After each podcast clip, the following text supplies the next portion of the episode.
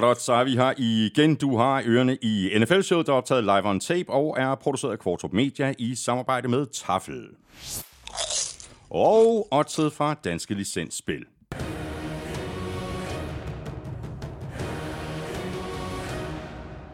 Husk, at man skal være minimum 18 år og spille med omtanke. Har du brug for hjælp til spilafhængighed, så kontakt Spillemyndighedens hjælpelinje Stop Spillet eller udluk dig via Rufus. Regler og vilkår gælder.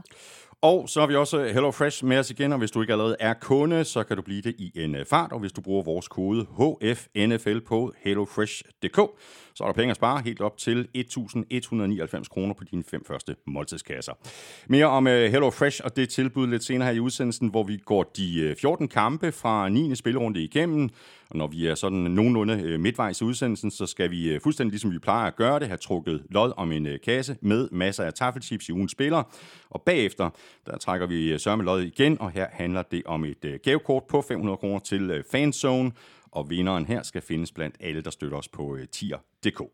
Tusind tak til lige præcis dig, hvis du er en af dem, der bakker op om os, og tak til alle for at downloade og lytte. Vi er alle de sædvanlige steder, og derudover så kan du som altid også lytte på nflshow.dk og på Danmarks største og bedste fodboldsite, gulklud.dk. Jeg hedder Thomas Kvartrup, og her kommer min medvært.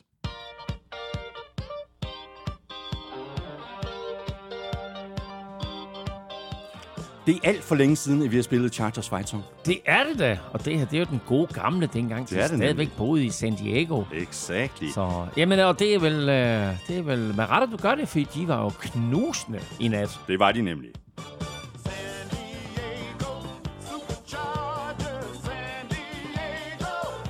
Chargers! Ja, og man kan vel øh, roligt sige, når vi sådan kigger tilbage på 9. spillerunde, at det ikke kun var Chargers, der var knusende. Det var der flere andre hold, der også var.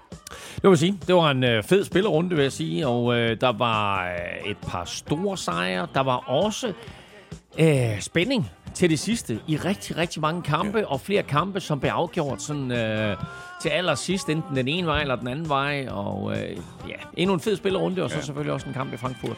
Det er, øh, ja, det kommer vi til at tale mere om, fordi du var jo dernede, og der skal jeg lige høre, hvordan, øh, hvordan det var. Ja. Øh, kan du kigge over i øh, tafelsækken, og så kan vi øh, smage på dem og finde ud af, hvordan de er.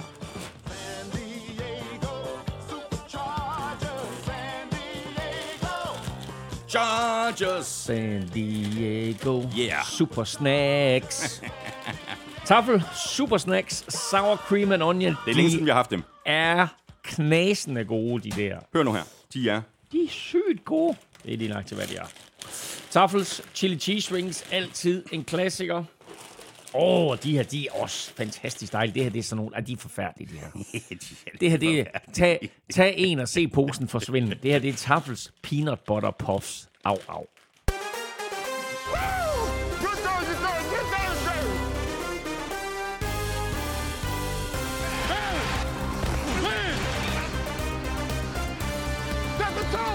Ja, så fik vi altså lige endnu en øh, vild spillerunde med masser af tætte kampe. Flere af dem blev først afgjort til allersidst, men vi fik også et par kæmpe blowouts eller tre. Det var mildt sagt ikke nogen god uge for de tre hold, der var i aktion for NFC Vest.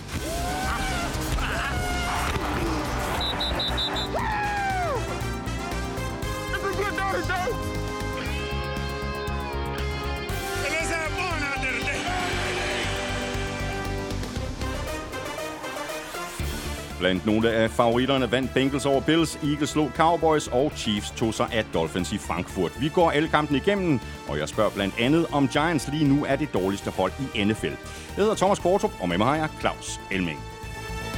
Give me one now, Give me one, give me one. Og Mr. Elming, vi kan lige lægge ud med sådan lidt øh, næsten hashtag øh, breaking news, øh, og de øh, her news, de handler også om øh, Giants. I går der landede nyheden nemlig om, at øh, Daniel Jones han er færdig for sæsonen. Han blev dømt ude, øh, efter at have fået foretaget en øh, scanning. Ja, der var ikke nogen tvivl, at man så den skade opstå under kampen. Der var man godt klar over, at det var en øh, knæskade, og øh, den måde, han har spillet på i år, og de få antal øh, kampe og plays, han har spillet, der må vi sige, at, at et af at Giants enormt skuffende, men hans spil har heller ikke levet op til den kontrakt, han skrev, øh, som var på fire år for 160 millioner dollars. Og jeg tjekkede lidt op på det med, hvor meget Giants de hænger på øh, af hans løn, og øh, de kan godt slippe ud af den, men uanset hvad, skylder de ham 94 millioner dollars, det vil sige... Au, au øh, 54 millioner dollars ud over det, han får øh, i løn i år. Uh, og det vil sige, at der jo på ingen måde er nogen grund til, og det, og det er vel at mærke penge, som er garanteret over de første to sæsoner, og det vil sige, at der er ingen grund til at lade ham gå. Du kan ikke, du kan ikke trade ham med den løn, mm. og øh, håber at få noget respektabelt ud af det, hvad ved jeg, altså maksimalt et andet runde pick, og det tror jeg ikke engang på. Øh, så hvis du skal trade ham, så er det sådan noget tredje runde pick, plus du skal give den klub, der tager ham 20 millioner dollars med i hånden per sæson eller et eller andet. Så det, det tror jeg simpelthen ikke på. Men det, de kan gøre, det er at beholde ham i truppen til næste år. Og så lidt, det er altid svært at sige, at man skal håbe på at slutte lavt. Ikke? Men altså, de ligger jo lige nu til at få et af de første draft picks. Ja, de, de er godt på vej. Det er nok ikke et Caleb Williams, vi kigger på, men altså, der er en anden quarterback, der hedder Drake May, og mm. der er et mhm. par andre der i første runde, som kunne være interessante. Og det kan godt være, at det er den vej, de ja. skal, og så sige, fint nok, så drafter vi en, og så har vi verdens dyreste quarterback-træner siddende øh, til at hjælpe ham. Ikke 54 millioner dollars giver vi den her quarterback-træner for at gøre den her rookie quarterback klar til at spille, uh, spille ja, og så er han jo også backup quarterback, og du skal huske på, at den øh, vigtigste spiller på et hold, det er jo Måske ikke i det her tilfælde. I hvert fald den dyreste. Backup quarterback. så, nej, men han er færdig, og øh, det betyder så, at det med stor sandsynlighed bliver Dame de Vito, som, øh, som starter på, øh, uh, uh, uh. på søndag. Og hvis det sker, så er vi oppe på 10 rookie quarterbacks, der har startet mm, i NFL i år, og det vil være NFL-rekord. Ja. Og så er den øh, første head coach jo røget her, hvor vi er halvvejs gennem øh, sæsonen. Vi var jo allerede inde på det sidste uge, at øh, Josh McDaniels han hang i en tynd tråd i øh, Las Vegas. Og det gjorde han så. Det gjorde GM Dave øh, Ziegler også. Og for at det ikke skal være løgn, så blev offensiv koordinator Mick Lombardi også kylet på øh, porten. Så Elming, øh, de havde altså råd til at fyre McDaniels, eller også var vurderingen bare, som vi også sagde i sidste uge, at de simpelthen ikke havde råd til at lade være. De havde ikke råd til at lade være. Fyringen kom jo øh, ganske kort til efter, at vi havde optaget NFL-showet. Det var jo Halloween, og der er en historie, jeg ved ikke, om du har set jeg har set det. Og jeg ved ikke, om det er rigtigt. At han men, var ude at trick or treat med men, sine børn? Men den skulle... Nej, det er ikke... Nej, det er, no, no, okay. det, det, er, det er endnu sjovere end okay. det. Nej, det er endnu sjovere end det. Hvad hedder det? Øh, det var Halloween, og Josh McDaniels går åbenbart meget op i Halloween. Uh, og den, altså, den er ikke 100% bekræftet, men der er folk, der siger, at de har set det her. Uh, Josh McDaniels møder ind uh, på Raiders-faciliteten uh, om mandagen, uh, eller tirsdag eller måske, iført et... Uh, Mark Davis kostyme. Så han kommer iklædt som, altså udklædt som, som uh, Raiders ejer. Og uh, Raiders ejer, han griner af det, og de sætter sig ned, og de spiser frokost sammen, og alt er godt. Og uh, Josh McDaniels tænker, hold da kæft, jeg overlevede en uge mere. Og så siger Mark Davis til ham, uh, spis lige din fortune cookie. Og så tager han sin fortune cookie og åbner og så ligger der sådan en seddel inde i de der fortune cookies. Og så står der, Nej. You're fired, hot shot. Det er ikke rigtigt. Okay, hvis det er rigtigt, så er det jo fuldstændig bonkers så elsker jeg Mark Davis over alt på jorden lige pludselig. Det synes jeg, han, er, han er en mærkelig person, men det der, hvis det er rigtigt, så er det simpelthen bare forrygende. Ja, det tosset, Nå, men han bliver fyret, uh, Josh McDaniels, og i stedet for bliver Antonio Pierce gjort til uh, midlertidig head coach, og Antonio Pierce er jo Super Bowl vindende linebacker for New York Giants, uh, og sjovt nok, så var det jo netop New York Giants og Raiders, de skulle møde uh, her i weekenden. Og det var et helt andet Raiders-mandskab, ja. vi så, og det kan vi komme det, tilbage ja, til. det kommer vi tilbage til. I øvrigt apropos, have råd, ikke have råd. Raiders, med det løn, de skylder øh, John Gruden, med det, de nu skylder Josh McDaniels, og det, de skylder Dave Ziegler øh, og Mike Lombardi, øh, eller Mike Lombardi, øh, 85 millioner dollars har de ude at hænge i lønninger. Ja, det er som fuldstændig de, vanvittigt. Som de ikke får noget for. Ja, det er fuldstændig vanvittigt. Altså, du kan bare i gang det med syv, så det er 600 millioner kroner. Til ingenting. Til ingenting. Ja. Thomas øh, Lauritsen, han har skrevet til os, han har øh, to spørgsmål, vi kan lige dele dem op. Øh, han skriver sådan her til en start. Øh, jeg har tænkt lidt over, hvad der sker, når et øh, NFL-hold fyrer en head coach, som Raiders gjorde i sidste uge. Hvad gør man med den playbook, som McDaniels har stået for? Ryger den i skraldespanden? Og skal holdet så lære en ny playbook, eller beholder man den resten af sæsonen? Du er nødt til at starte med at beholde den. Og du er nødt til at så justere på for eksempel de kald, øh, eller de, de plays, du vælger ud fra den playbook. Men du er nødt til at beholde den. Og så stille og roligt, så kan du køre dit eget system ind øh, og, øh, og, og, og justere lidt på det, der er foretaget. Men du er nødt til at, at, at, at fortsætte med den, øh, og især øh, ja, både offensivt og defensivt for den sags skyld. Fordi der er bare så meget, som du har brugt tiden på i træningslejren, også her i de første mange uger på at træne op. Så der er helt klart nogle systemer på plads, og så er det bare et spørgsmål om at finde ud af, hvad er det for nogle af de her plays, som rent faktisk fungerer bedst for os? Hvad er det for nogle af de her plays, der fungerer bedst for vores quarterback? Hvad er det for nogle plays, han bedst kan lide? Øh, og der skiftede de jo så også quarterback, og øh, valgte at køre med, med Aiden O'Connell i stedet for Jimmy Garoppolo, og øh, det så også rigtig godt ud. Ja. Så kommer anden del af Thomas Lauritsens øh, spørgsmål. Øh, I anledning af McDaniels fyring, øh, kan vi så få øh, Elming til at rangere de mest sandsynlige fyringer, som han ser det lige nu, af følgende trænere. Brandon Staley, Brian Dable, Bill Belichick, Matt Eberflus og Todd Bowles. Au. Uh, Det er da nogle gode bud. Ja, det er da nogle super gode bud. Uh, tak for det. Uh, Thomas, tak for også at hjælpe mig med at lave en top 5. Jeg kunne have kommet med 5. um, jamen altså, i, i rækkefølge, der vil jeg jo sige... Ja, kæft for det svært. Um, hvis, hvis Chargers ikke kommer i slutspillet, Brandon Staley etter, så vil jeg tro... Altså, det er jo vildt at sige, at Brian Dable, han er på the hot seat, men det er han jo lidt. Ja. Um, Bill Belichick skal stå på pressekonferencen efter Patriots nederlag i søndags. Og for første gang vel sagtens i sin karriere som head coach for Patriots svare på spørgsmål omkring, hvor meget en trænerfyring rumsterer i hovedet på ham. Først, han bliver stillet tre spørgsmål i træk om det. Første spørgsmål siger han, øh, et eller andet med, meget tænker du over din trænerfyring? Lige nu fokuserer jeg kun på at blive klar til, til Colts. De skal møde Colts i Frankfurt i kommende Ja, weekend. det er jo, det er jo en, øh, en klassisk Belichick, ikke? Vi ser frem mod næste kamp. Præcis. Så bliver han, så bliver han spurgt endnu en gang, hvor han så trods alt lige reflekterer, og så siger han, jeg, tænk, jeg, jeg, jeg kontrollerer de ting, jeg kan kontrollere, andre må kontrollere alt andet. Mm. Og så bliver han spurgt øh, en tredje gang, og der kan jeg ikke lige huske svaret, men det er vildt nok, at på en preskonference, at der er der tre spørgsmål til Belichick om hans fremtid som head coach for New England Patriots. Så øh, Det viser også lidt om, hvordan stemningen er omkring klubben, ikke? Selvfølgelig. Altså blandt uh, Boston Selvfølgelig, medierne, ikke? selvfølgelig. Matt Eberflus i, i Chicago øh, hænger også i en tynd tråd, og Todd Bowles kunne jeg godt forestille mig at blive fyret. Så lad mig lave rangeringen, der hedder Staley 1'er, Bowles 2'er, Eberflus 3 og Dable 4, Belichick 5'er. Skal vi lige øh, slå en øh, lille krølle om øh, NFL's uh, øh, trade deadline. Øh, der skete der lidt i, i tirsdags øh, frem mod øh, lige præcis øh, deadline, øh, og vi har jo allerede talt om en, en del spillere de seneste uger, som er blevet traded. Der er i hvert fald øh, lige fire stykker, som vi skal omkring i dag. Øh, vi gemmer lige de to øh, fra Commanders, som vi slår sammen. Så vi tager de to andre spillere først, og det er quarterback øh, Joshua Dobbs, der blev sendt til Vikings fra Cardinals, og cornerback Rasul Douglas, der blev sendt til Bills fra Packers.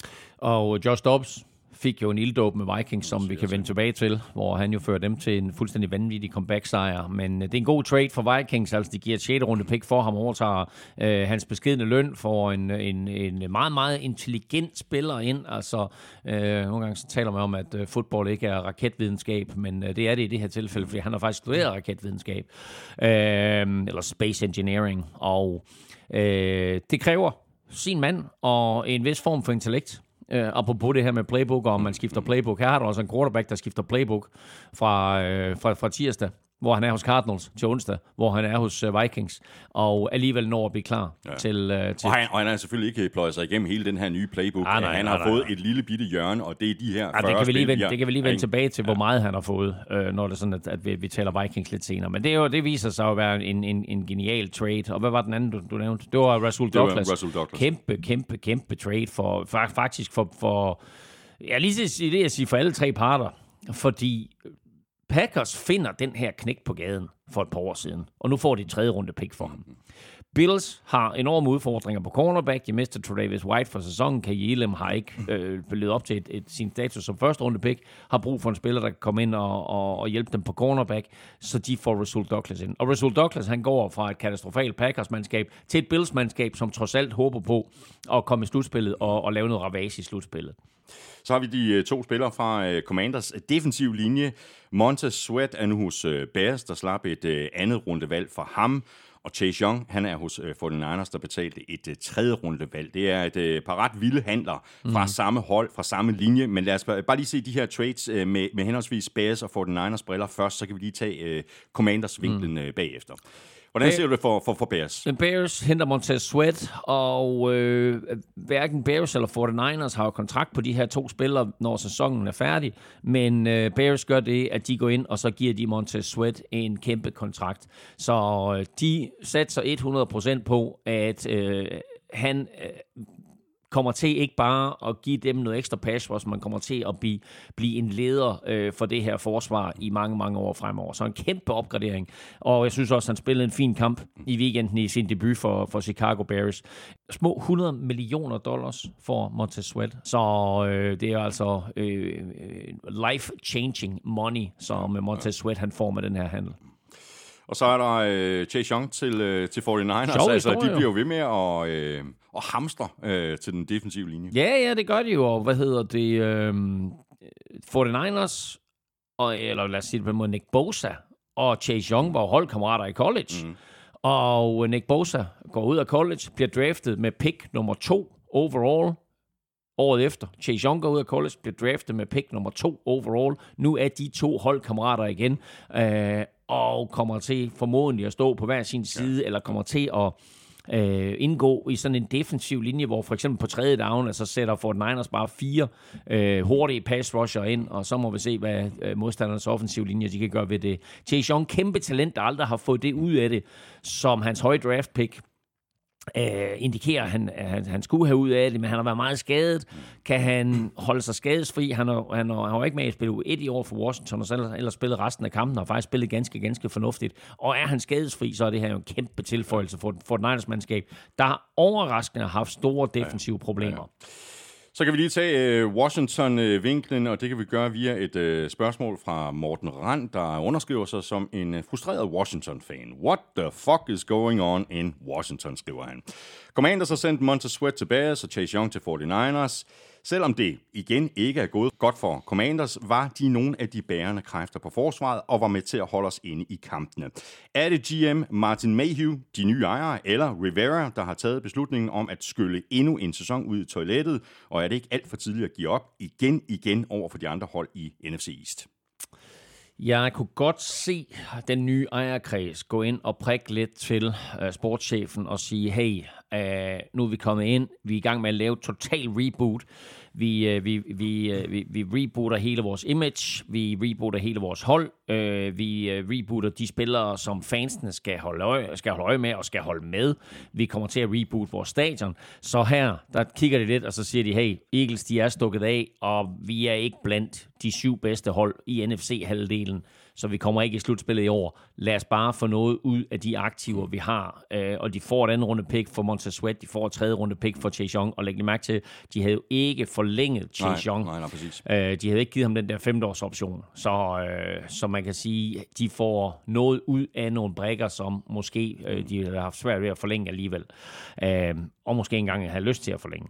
Så egentlig så øh, helt okay. Øh, spændende, hvad der sker i Washington ja. i øjeblikket. Det her, det er i hvert fald, altså, prøv at tænke på ikke, at vi taler jo nu om Washington i sådan en eller anden tone af, hvad er det, der sker på den fede måde? Hvad er det, mm. hvad er det fremtiden byder på for Washington? Hvor vi før i tiden under Dan Snyder altid... hvad i alverden er der sker? Hvad i alverden er der sker? Ikke? Hvorfor gjorde de det? Og, og hvad er det nu for en skandale, der ramte dem?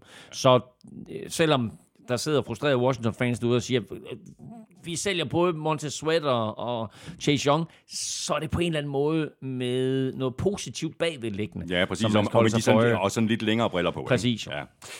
Så kan vi øh, kigge et andet sted. Vi øh, smutter over til, øh, til ørkenen, over til øh, Arizona Cardinals. Øh, spørgsmålet er, hvad i alverden der sker med øh, Kyler Murray. Hans øh, vindue for at blive aktiveret lukker, og ja, lige om lidt, øh, hvis han ikke kommer på banen, jeg tror det er næste uge, så kommer vi ikke øh, til at se ham i aktion i år. Og det gør han.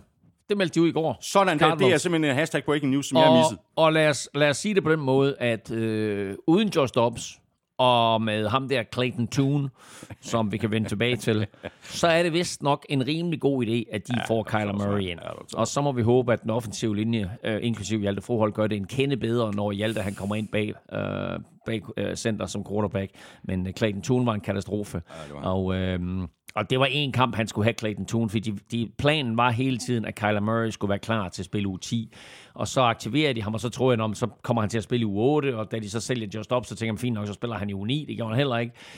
Øh, nu Cardinals øh, 1 og 8, og øh, nu kommer Kyler Murray, og så er spørgsmålet, om, om det er godt eller skidt. Øh, de kan ikke trade ham resten af året her, øh, men altså ender de der helt nederst i hierarkiet også, så er spørgsmålet også, hvad gør de? Går ja. de så ind og drafter en quarterback til næste år? Det er eller, bestemt eller? ikke umuligt. Det er på ingen måde umuligt, og så er, spørgsmålet så igen, hvad kommer der så til at ske med Kyler Murray? Mm.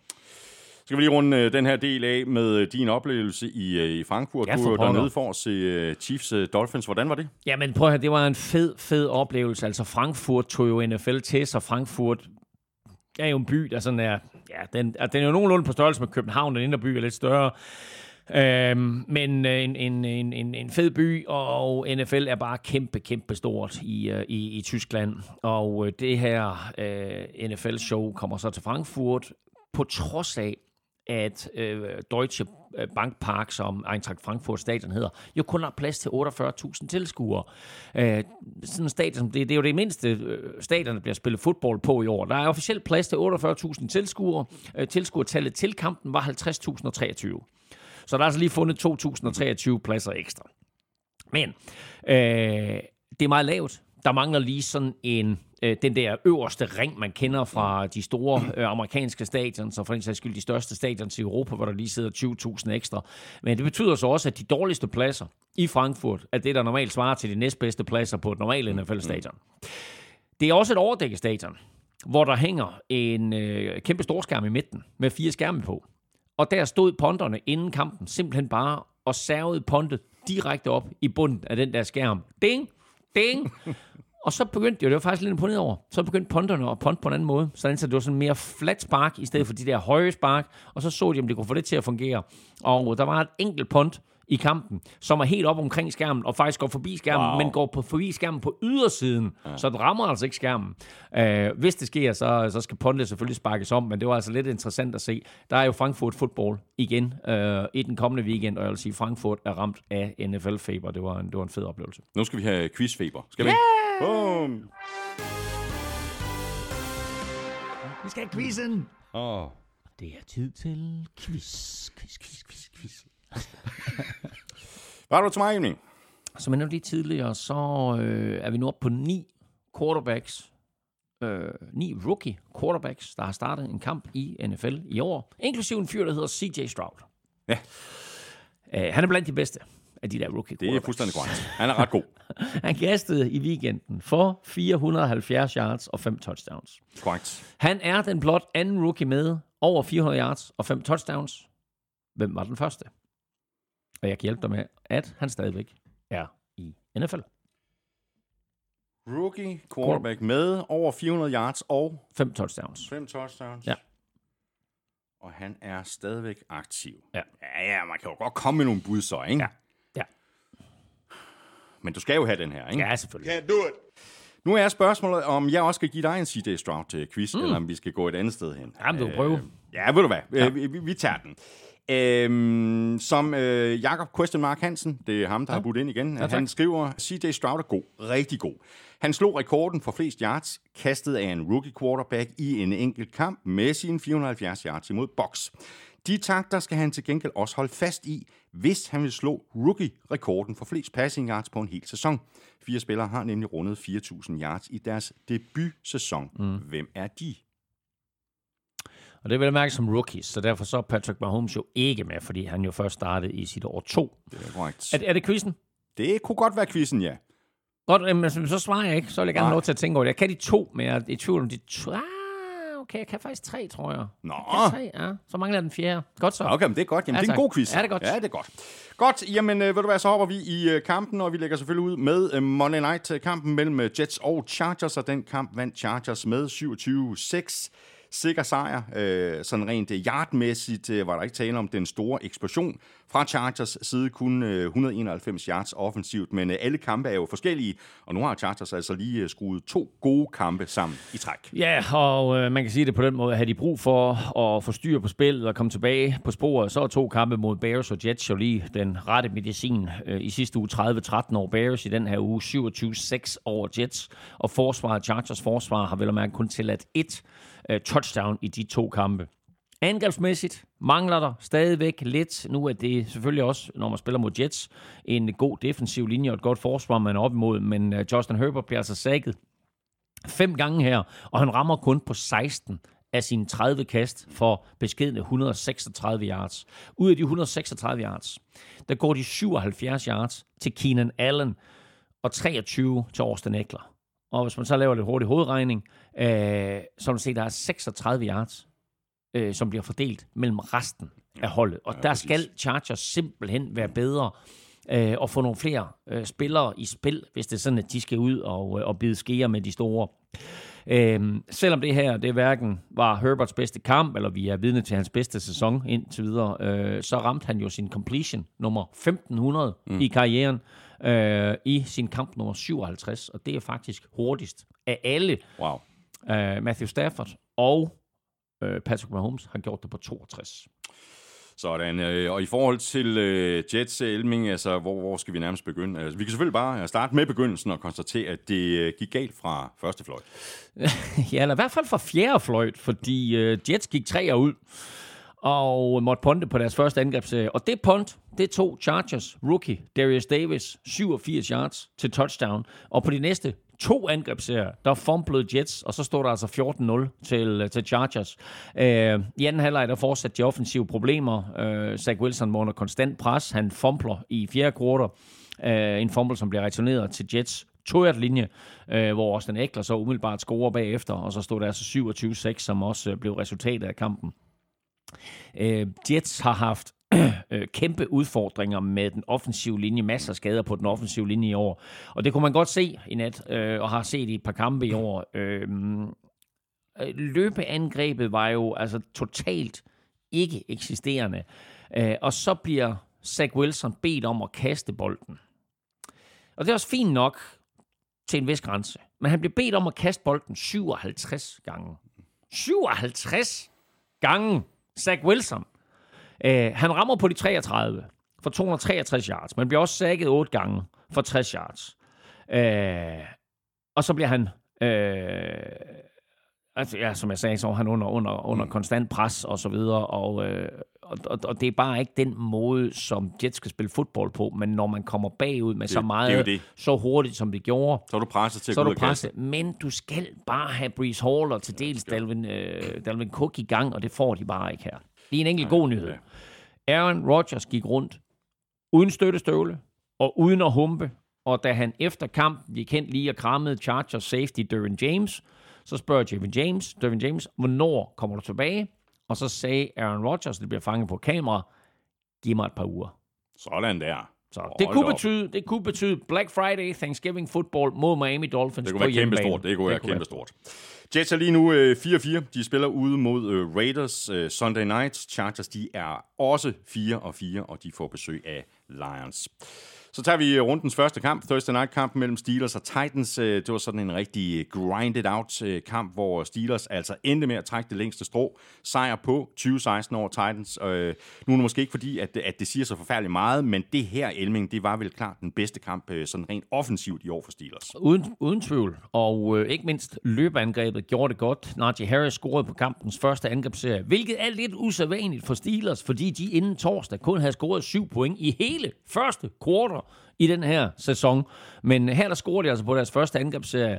Øh, Najee Harris og Jalen Warren, som jeg synes gør det bedre og bedre, havde 157 yards til sammen på 27 carries, også flest rushing yards af Steelers i år. Og så fik, jeg ved ikke, du så det, men receiver Deontay Johnson fik endelig sit touchdown. Han scorede for første gang i 23 kampe. Det er halvanden sæson siden. Wow. Han har scoret. Han greb 86 bolde sidste år, uden at komme i endzonen en eneste gang. Det var klart flest af alle. Og fra han greb sit seneste touchdown til det her, han greb i weekenden, der gik der 112 catches. Men øh, lad os da håbe, at han øh, kommer ind i en stime nu. Nu kan Steelers fans så glæde sig over en uh, sejr, men hvis vi sammenligner de to quarterbacks, uh, der var på banen med hinanden, så tror jeg godt, jeg ved, hvilken af de to quarterbacks, jeg helst vil have. Mm. I hvert fald bedømt ud fra den her uh, kamp. Jeg ved ikke, om du er enig med mig i, at uh, Will Levis uh, var bedst i den her kamp. Uh, glem den der interception til sidst. Uh, men hvordan synes du, at han klarede sin anden kamp som, uh, som starter? Jeg synes, han gjorde det godt. Um, det var jo en lidt urimelig opgave for ham at skulle op imod Mike Tomlin og, og Steelers forsvar bare fire dage efter den der sensationelle debut, han havde med fire touchdown-kast mod Falcons. Men jeg synes, han gjorde det godt. Øhm, der var nogle rookie-fejl og en tanketorskister her, men han havde altså også nogle vanvittigt lækre kast øh, undervejs. Både øh, øh, præcise øh, kast med fart på bolden, hvor han trykker den ind i nogle meget, meget små vinduer, eller også sådan nogle, nogle, nogle øh, kast med sådan en lækker touch hen over en forsvarsspiller lige ned i skuffen på sin receiver. Øhm, han fik chancen til allersidst for at vinde kampen, Will Levis, men kaster en interception med 6 sekunder igen. Det positive ved det play, synes jeg faktisk er, at han vælger den rigtige spiller at gå til og prøve på at kaste bolden hen over hovedet på Korn Alexander. Men øh, Korn Alexander hopper altså lige en meter op i luften og laver et meget, meget atletisk play. Uh, superspiller ham og interception, og så, uh, og så vandt uh, Steelers. Og Steelers er lige nu øh, 5 og 3. De spiller hjemme mod Packers. Titans de er 3 og 5, og de spiller ud mod Buccaneers. Så går vi videre til øh, Ravens Seahawks. Øh, det var en ensidig affære. Seahawks de blev simpelthen kørt over. 37-3. Den gør naller i Seattle, og vi kan vel bare konkludere, Elming, at Lamar Jackson han fortsætter sin ydmygende nedslagtning af NFC-hold. Han har spillet 19 kampe nu mod hold fra NFC. Husk på, han spiller kun 4-5 af dem om året. Uh, han er 18 og 1 nu. Han er 18 og 1 mod NFC. Vi taler om det i sidste uge. Jeg tror bare, vi skal bare holde øje med den her rekord i gås øjne, uh, hver gang han spiller mod et NFC-hold. Men det er altså lidt vildt. Nu ender det her, det ender med en knusende 37-3 sejr, men det var faktisk det er svært at sige, at det var forholdsvis tæt, men det var jo, altså scoremæssigt var det forholdsvis tæt indtil midt i tredje kvartal. Mm. Øhm, og det er jo faktisk løbeangrebet og forsvaret, der vinder kampen for Ravens. Øh, ikke så meget øh, Lamar Jackson. Nu slynger jeg lige to navne ud her, så sig mig, øh, om du har hørt om dem før, og hvad de siger der. Keaton Mitchell. Pas. Rookie running back. Ni løb for 138 yards og touchdown. Undrafted i år fra et lille college. Øh, selv lille fyr, 173 cm, men med vanvittig fart. Og nu fik jeg ikke lige, jeg lige, ikke lige tjekket 100% op på det, men jeg tror, jeg har den eneste running back i weekenden, der havde over 100 yards. Mm. Det har du, det har du ret. Ja. Uh, godt. Det andet uh, navn. Gino Stone. Uh, nej. nej. Jeg kan heller ikke fortælle uh, lange, uh, spændende historier om ham. Safety. Syvende runde fra 2020. Mm. Gino Stone laver en interception på Gino Smith.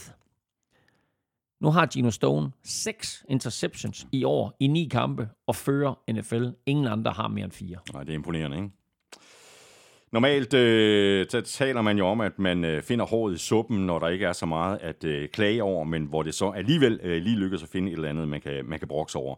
Jeg kunne godt tænke mig at vente den om, øh, Elming, og spørge, om du kan finde suppen for bare hår, når du kigger på Seahawks i den her kamp. Altså rent offensivt, der producerede de kun 151 yards på offensiven. Altså det er ikke meget, 151 yards i der tager, der tager man skeen, og så skraber man en masse hår tilbage, og så håber man på, at der er bare lidt suppe dernede i bunden, men der var fandme ikke noget suppe overhovedet på det her uh, Seahawks angreb. Og det siger jo også alt om, hvor, hvor dominerende Ravens forsvar var. Her der har vi et angreb med Gino Smith som quarterback, et par dygtige running backs, en, en trio af dygtige, jeg tror faktisk Tyler Lockett var skadet, men en, et, et par dygtige receiver.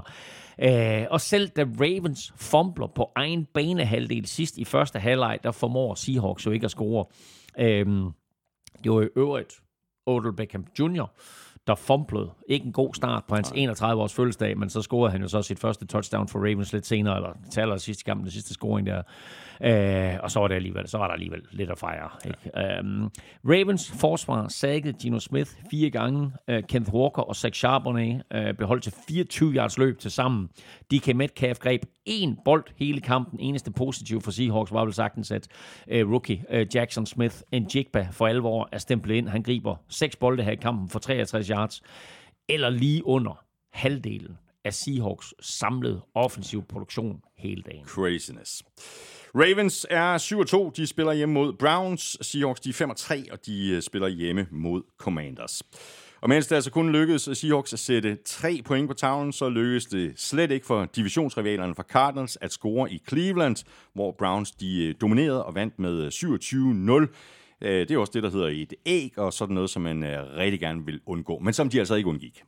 Og det her, det var jo næsten som at lukke et barn ind i en slikbutik. Et ramponeret Cardinals-mandskab med debut af en upåagtet rookie quarterback mod NFL's statistisk bedste forsvar. Det var, som man siger på godt gammel jysk, an accident waiting to happen. Angrebet, Browns angreb, havde Deshaun Watson tilbage, og selvom han ikke har fundet, han har ikke fundet tilbage til sit gamle jeg, øh, så var det her en modstander, hvor han trods alt fik, skal vi kalde det, solid kamptræning. Mm. Fordi de, altså, de har faktisk et okay forsvar, øh, Cardinals. Så der var det, han var der nødt til at, at, at, at, at, at, at lave nogle ting og spille lidt quarterback øh, og, mm. og så videre. Så det var en god, god gang træning for ham.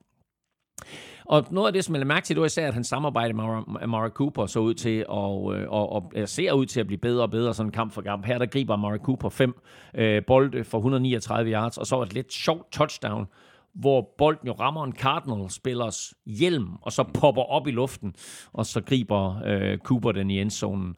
Øh, men, øh, men altså, det var en, det var en nem sejr for, ja, for Browns. Ja, det var det virkelig. Og nu er det ikke ligefrem fordi, at øh, Cardinals har vundet ret mange kampe i år. Faktisk kun en, en enkelt, øh, stadigvæk vanvittigt, de slog øh, Cowboys. Øh, men de har jo været med i mange af kampene, især i første halvleg, øh, og så er det sådan øh, løbet lidt ud mellem fingrene på dem i, i anden halvleg. En af grundene var måske, at øh, Joshua Dobbs har spillet quarterback øh, som erstatning for Kyler Murray. Nu er Dobbs jo i Minnesota, og, og derfor var det altså rookie quarterback Clayton Tune, der var inde som starter. Og øh, det gik ikke så forfærdeligt godt. Endnu et bevis, kan man vel sige, Elming, på at der ganske enkelt bare er forskel på preseason og så på øh, at spille rigtig fodbold i, i grundspillet. Ja, helt sikkert ikke. Altså, Cardinals, du ved, kigger ham lidt an i preseason og siger, ham han kan sgu godt noget, lad os prøve at se, hvad han kan, og så smider vi Job Stops til Vikings, og så starter vi Clayton Tune og øhm, det der efternavn Tune, øh, det kan der laves mange jokes med, både på engelsk og dansk, men skal vi ikke bare nøjes med at konstatere, at han var ude at synke. øh, Browns lavede 5-6, de forserede øh, tre turnovers, og de holdt Cardinals til 58 yards i en hel kamp. 58 yards på 60 minutter. Det er faktisk færrest yards af et Cardinals-mandskab siden 1955, og det er færrest yards af noget hold i NFL siden 1990. Amari Coopers længste catch i kampen var på 59 yards, eller en yard mere end Cardinals fik i hele opgøret. Så er det sat øh, på plads. Browns, de er 5 3, de spiller ud mod Ravens. Cardinals, de er 1 8, og de får besøg af Falcons. Så har vi så om det øh, tredje NFC Vesthold i træk. Rams, der jo var uden Matthew Stafford, og det gik øh, heller ikke øh, som smurt for Rams, der tabte med 23 til Packers på udebane. Det var mildt sagt ikke den kønneste kamp at sidde og se på. Og Packers havde jo lige tabt fire kampe i træk, og første halvleg var ikke noget festfyrværkeri, men så satte de vel, kan man godt sige, tingene på plads i anden halvleg. Ja, det gjorde de, men det var ikke, fordi det var vildt imponerende. Jo. Det var det altså, ikke. angrebet fumblede på de første to angrebsserier efter pausen, men så øh, steppede forsvaret op i anden halvleg. Det var især forsvaret, synes jeg måske, som, som satte tingene på plads. Øh, de, de lukkede ned begge de der to gange, hvor Rams de overtager bolden. Øh, Jordan Love kan man også rose for hans anden halvleg, fordi han rammer på 12 ud af 13 kast efter pausen. Og jeg elsker det touchdown, han kaster til rookie tight end Luke Musgrave. Først en lille screenfinte til venstre, mm. så vend rundt, lave en screenfinte til højre, spreder forsvaret fuldstændig ud. Luke Musgrave, let delay, ned igennem midten, fuldstændig fri, og så griber han øh, sin unge karrieres øh, første touchdown. Øh, super play og øh, en... Øh, ja, en, en, en, øh, en god måde at komme tilbage på for Packers på hjemmebane, for hjemmepublikummet tilbage, og en fin sejr for Jordan Love. Ja. Og så tog vi jo øh, begge to øh, Rams i, i picks i sidste uge, og jeg tror nok, jeg bildte mig selv ind, at øh, Matthew Stafford han ville blive klar til den her kamp. Øh, det blev han så ikke. Øh, og selvom der løber øh, quarterback øh, i blodet hos øh, Ripien-familien, øh, så var det her ikke øh, noget, der er, der sådan, er, er værd at skrive hjem om, er det? Nej, det er du fuldstændig ret i. Og hvor mange er sikkert øh, øh, godt er klar over, eller kan huske, så er øh, Brett Ripien jo nevø øh, til øh, den tidligere øh, Washington Redskins quarterback Mark Ripien. Men med sikkert mange ikke er klar over, det var, at Mark Ripien jo faktisk er kanadier men voksede op i staten Washington og spillede college football i Washington, inden han så blev draftet af Washington Redskins, som jo ligger i hovedstaden og ikke i staten. Mark Ripien vandt både Super Bowl 22 og Super Bowl 26. Han blev sågar MVP i Super Bowl 26. Han sluttede meget symbolsk sin 17-årige NFL-karriere med at komme tilbage til Washington State og spille for Seattle Seahawks. Og lad os bare konstatere, Brett Ripien får hverken 17 år i NFL, eller bliver kåret til Super Bowl MVP. Han var elendig. Ja, så skal der i hvert fald ske et eller andet helt vildt, ikke? Han kastede, øh, han kastede en interception, som, ja, okay, det var ikke, jo, det var, det var hans fejl. Øhm, og han mistede en fumble. Han havde et enkelt lækkert catch, øh, kast til øh, Cooper Cup på, jeg tror, 34 yards eller noget i den retning. Men ellers så var der intet onkel Mark over ham. Nej, det var der godt nok ikke. Packers, de er 3-5. De skal til øh, Pittsburgh og spille mod Steelers. Rams, de er 3 og 6, og de er på deres bye week. Så går vi videre til øh, Panthers Colts, og den havde vi sådan lidt vanskeligt ved at øh, beslutte os for i sidste uge, da vi skulle lave vores øh, picks, men vi endte begge to med at sige Colts. Og det var jo fornuftigt nok, fordi Colts vandt nemlig kampen med 27-13 øh, på udebane, og offensiven var som øh, sådan ikke noget at råbe hurra for, øh, så vi kan vel godt blive enige om, at Kenny Moore og hans to pick sixes var et ikke helt uvæsentligt bidrag til den her Colts sejr. Og det var jo det perfekte tidspunkt for ham at lave to pick sixes, for han havde hele sin familie med til kampen, inklusiv tre af sine seks søstre, inklusiv sin tvillingesøster. Så det her, det var jo et perfekt tidspunkt ligesom at vise sig frem for dem og lave, hvad man godt kan tillade sig at kalde et karrierehøjdepunkt. Uh, men det var også godt, at han satte de her 14 point på tavlen for uh, Colts, fordi angrebet leverede kun 13, uh, øh, og kunne jo slet ikke flytte bolden mod et Panthers forsvar, der faktisk nu har spillet tre gode kampe i træk. Uh, Gardner Minshew øh, uh, kastede for beskedende 127 yards, og Jonathan Taylor og Zach Moss havde 73 yards til sammen på jorden. Uh, Taylor scorede så på en lækker screen. Han virker som om, at han er mere og mere ved at komme tilbage til sit gamle jeg, uh, og fordi på den her screen, der ser vi også, hvor utrolig lidt plads han skal have, og er der bare lidt plads, så er han både stærk og hurtig nok til at, uh, at vriste sig fri og score, så det et flot touchdown af ham. Ja.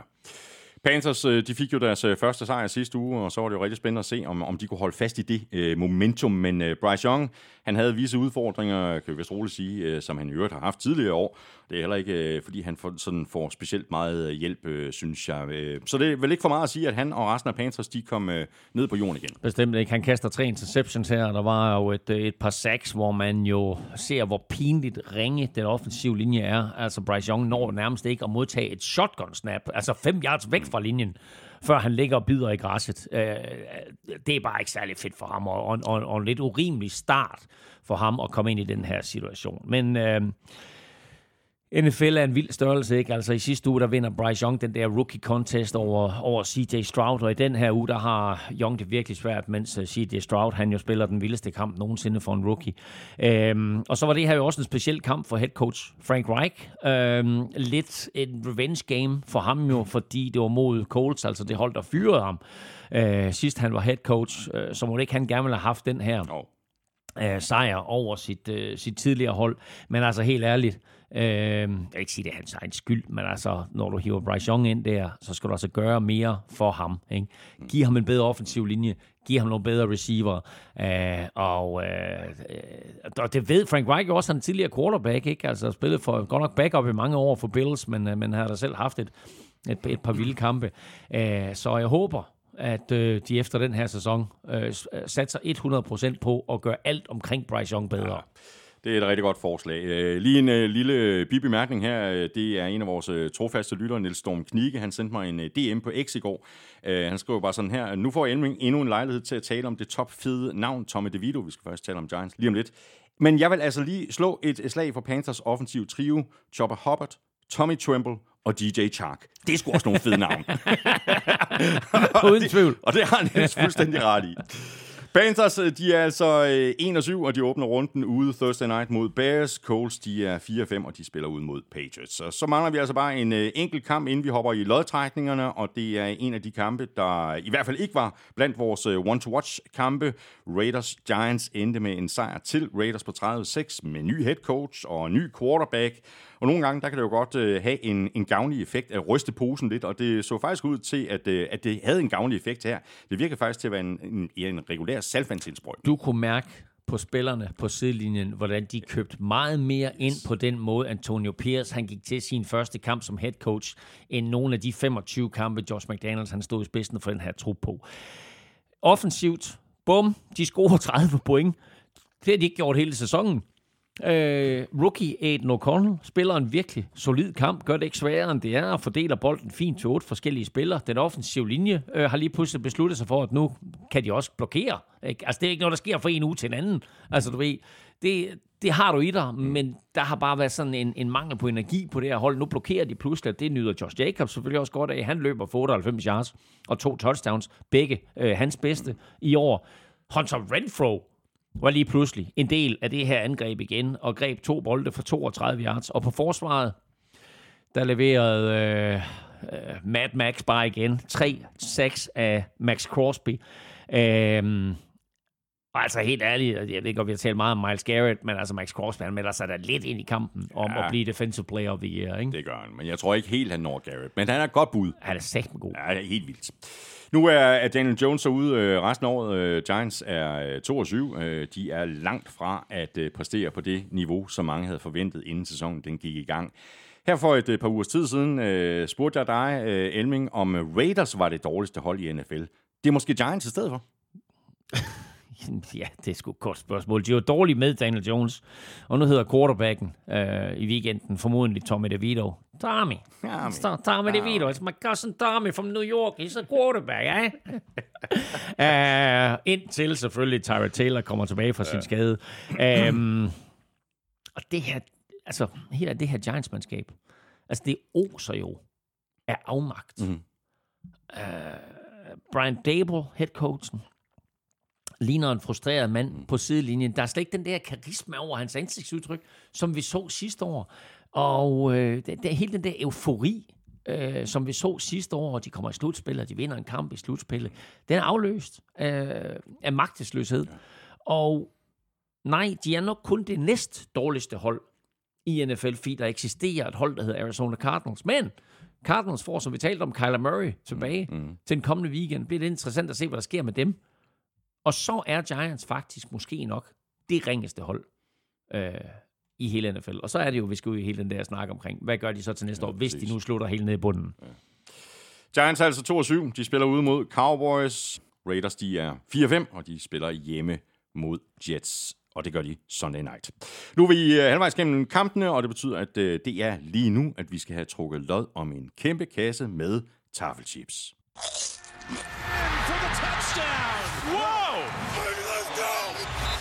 Spiller præsenteres af Tafel. Ja, det øh, skal vi altså her, hvor vi er fremme ved øh, ugens spiller, hvor vi i går på øh, X, Facebook og Instagram nominerede følgende tre spillere af vidt forskellige årsager. CJ Stroud, Joshua Dobbs og Kenny Moore. Og øh, rookien nominerede vi jo for en øh, fuldstændig vanvittig offensiv øh, produktion. Den øh, anden quarterback nominerede vi for, at han øh, på trods af flere fejl undervejs var med til at sikre sejren til Vikings til allersidst, selvom han altså havde haft øh, ganske få dage med holdet. Og den tredje nominerede vi, fordi det er jo ikke ligefrem at hver dag, at en øh, spiller laver to pick sixes i én kamp. Nedefra fik øh, Kenny Moore 11 procent af stemmerne. Joshua Dobbs fik øh, 23 procent, hvilket altså betyder, at den øh, suveræne vinder blev CJ Stroud med hele 66 procent af stemmerne. Så skal vi have trukket en øh, uh, heldig vinder, uh, øh, Elming, og dem vi trækker lod i blandt er alle, der har sendt et bud ind på mailsnablag.nflshow.dk. Du sidder allerede klar med sækken, fordi uh, det er jo dig, der er. Lykken skud inde. Oh, jeg vælger her. Og tager en sædel op, og der står CJ Stroud. Vi skal et smut til Aarhus Egen. Vi skal med til Rigskov, det er Niklas, der har vundet. Jeg får sædlen her. Niklas Forborg Andersen, øh, tillykke med det. Jeg sender dit øh, navn og adresse videre til de gode folk på tafel, og så sørger Norskerne for at få sendt din øh, gevinst afsted. Vi gør det igen næste uge. Alle har chancen. Det eneste kræver, det er at øh, følge med på X, Facebook og Instagram, hvor vi lægger nomineringerne op om mandagen, og så stemmer du altså på din favorit ved at sende dit bud ind på mailsnablag.nflsød.dk. Du skriver dit bud i emnelinjen, og i selve mailen skriver du dit navn og adresse. Nu skal der fat i øh, sækken nummer to, Elming. Nu skal vi nemlig have trukket lod om et øh, gavekort på 500 kroner til fanzone.store, og dem, der har chancen for at vinde i den lodtrækning, det er alle, der støtter os med et valgfrit beløb på tier.dk. Og der ryger en e-mailadresse op her, og det er Birk. Birk!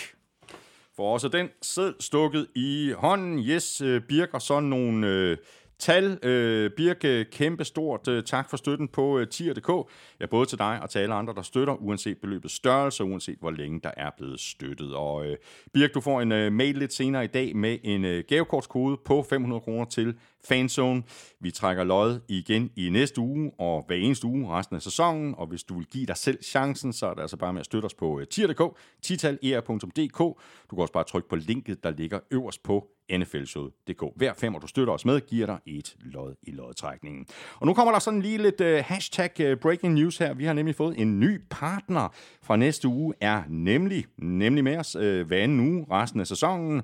Og her er det også med at følge godt med på vores Somi-kanaler. Her poster vi nemlig en uh, konkurrence, hvor du har chancen for at vinde et gavekort på hele 1000 kroner, som du kan bruge på nemlig.com, når vi sætter vores øh, spritnye konkurrence, det bedste af det bedste i søen. Og skal vi ikke satse på, at vi øh, gør det på øh, søndag? Skal vi ikke aftale det. det? Aftale. Sådan der, aftale. Så er vi tilbage i øh, kampene, og det er vi med øh, opgøret mellem Saints og Bears. Øh, og jeg ved ikke, om Bears har hørt om udtrykket turnovers will kill you. Men øh, på trods af hele fem turnovers, så vandt Saints altså kun med øh, 24-17. Derek Carr han blev ikke sækket en eneste gang, hvilket altså har været øh, en, en udfordring tidligere på sæsonen, altså at pass protection ikke har været god nok. Men på trods af det, så spillede det alligevel ikke sådan helt på angrebet, men så er det godt, at man har en Schweizerkniv på holdet. Det var altså sige. I sidste uge, der roste vi Taysom Hill. I den her uge, der blev han historisk. Han griber et øh, 2-yard touchdown, han kaster 3-yard touchdown, og han løb for 52 yards på 11 carries. Faktisk flest af alle Saints-spillere, inklusiv Kamara, der kun fik 26 yards på sine ni løb. Men uh, Taysom Hill blev søndag den første spiller i Super Bowl-æraen med 10 touchdown-kast, 10 touchdown-løb og 10 grebne touchdowns i karrieren. Det er ikke sket siden 1964, altså før der var noget, der hed Super Bowl. Uh, vi har talt om det mange gange, og mange andre rynkede også lidt på næsen, dengang senest de gav ham 18 millioner dollars uh, om året for sådan en hybrid uh, quarterback, tight end, running back.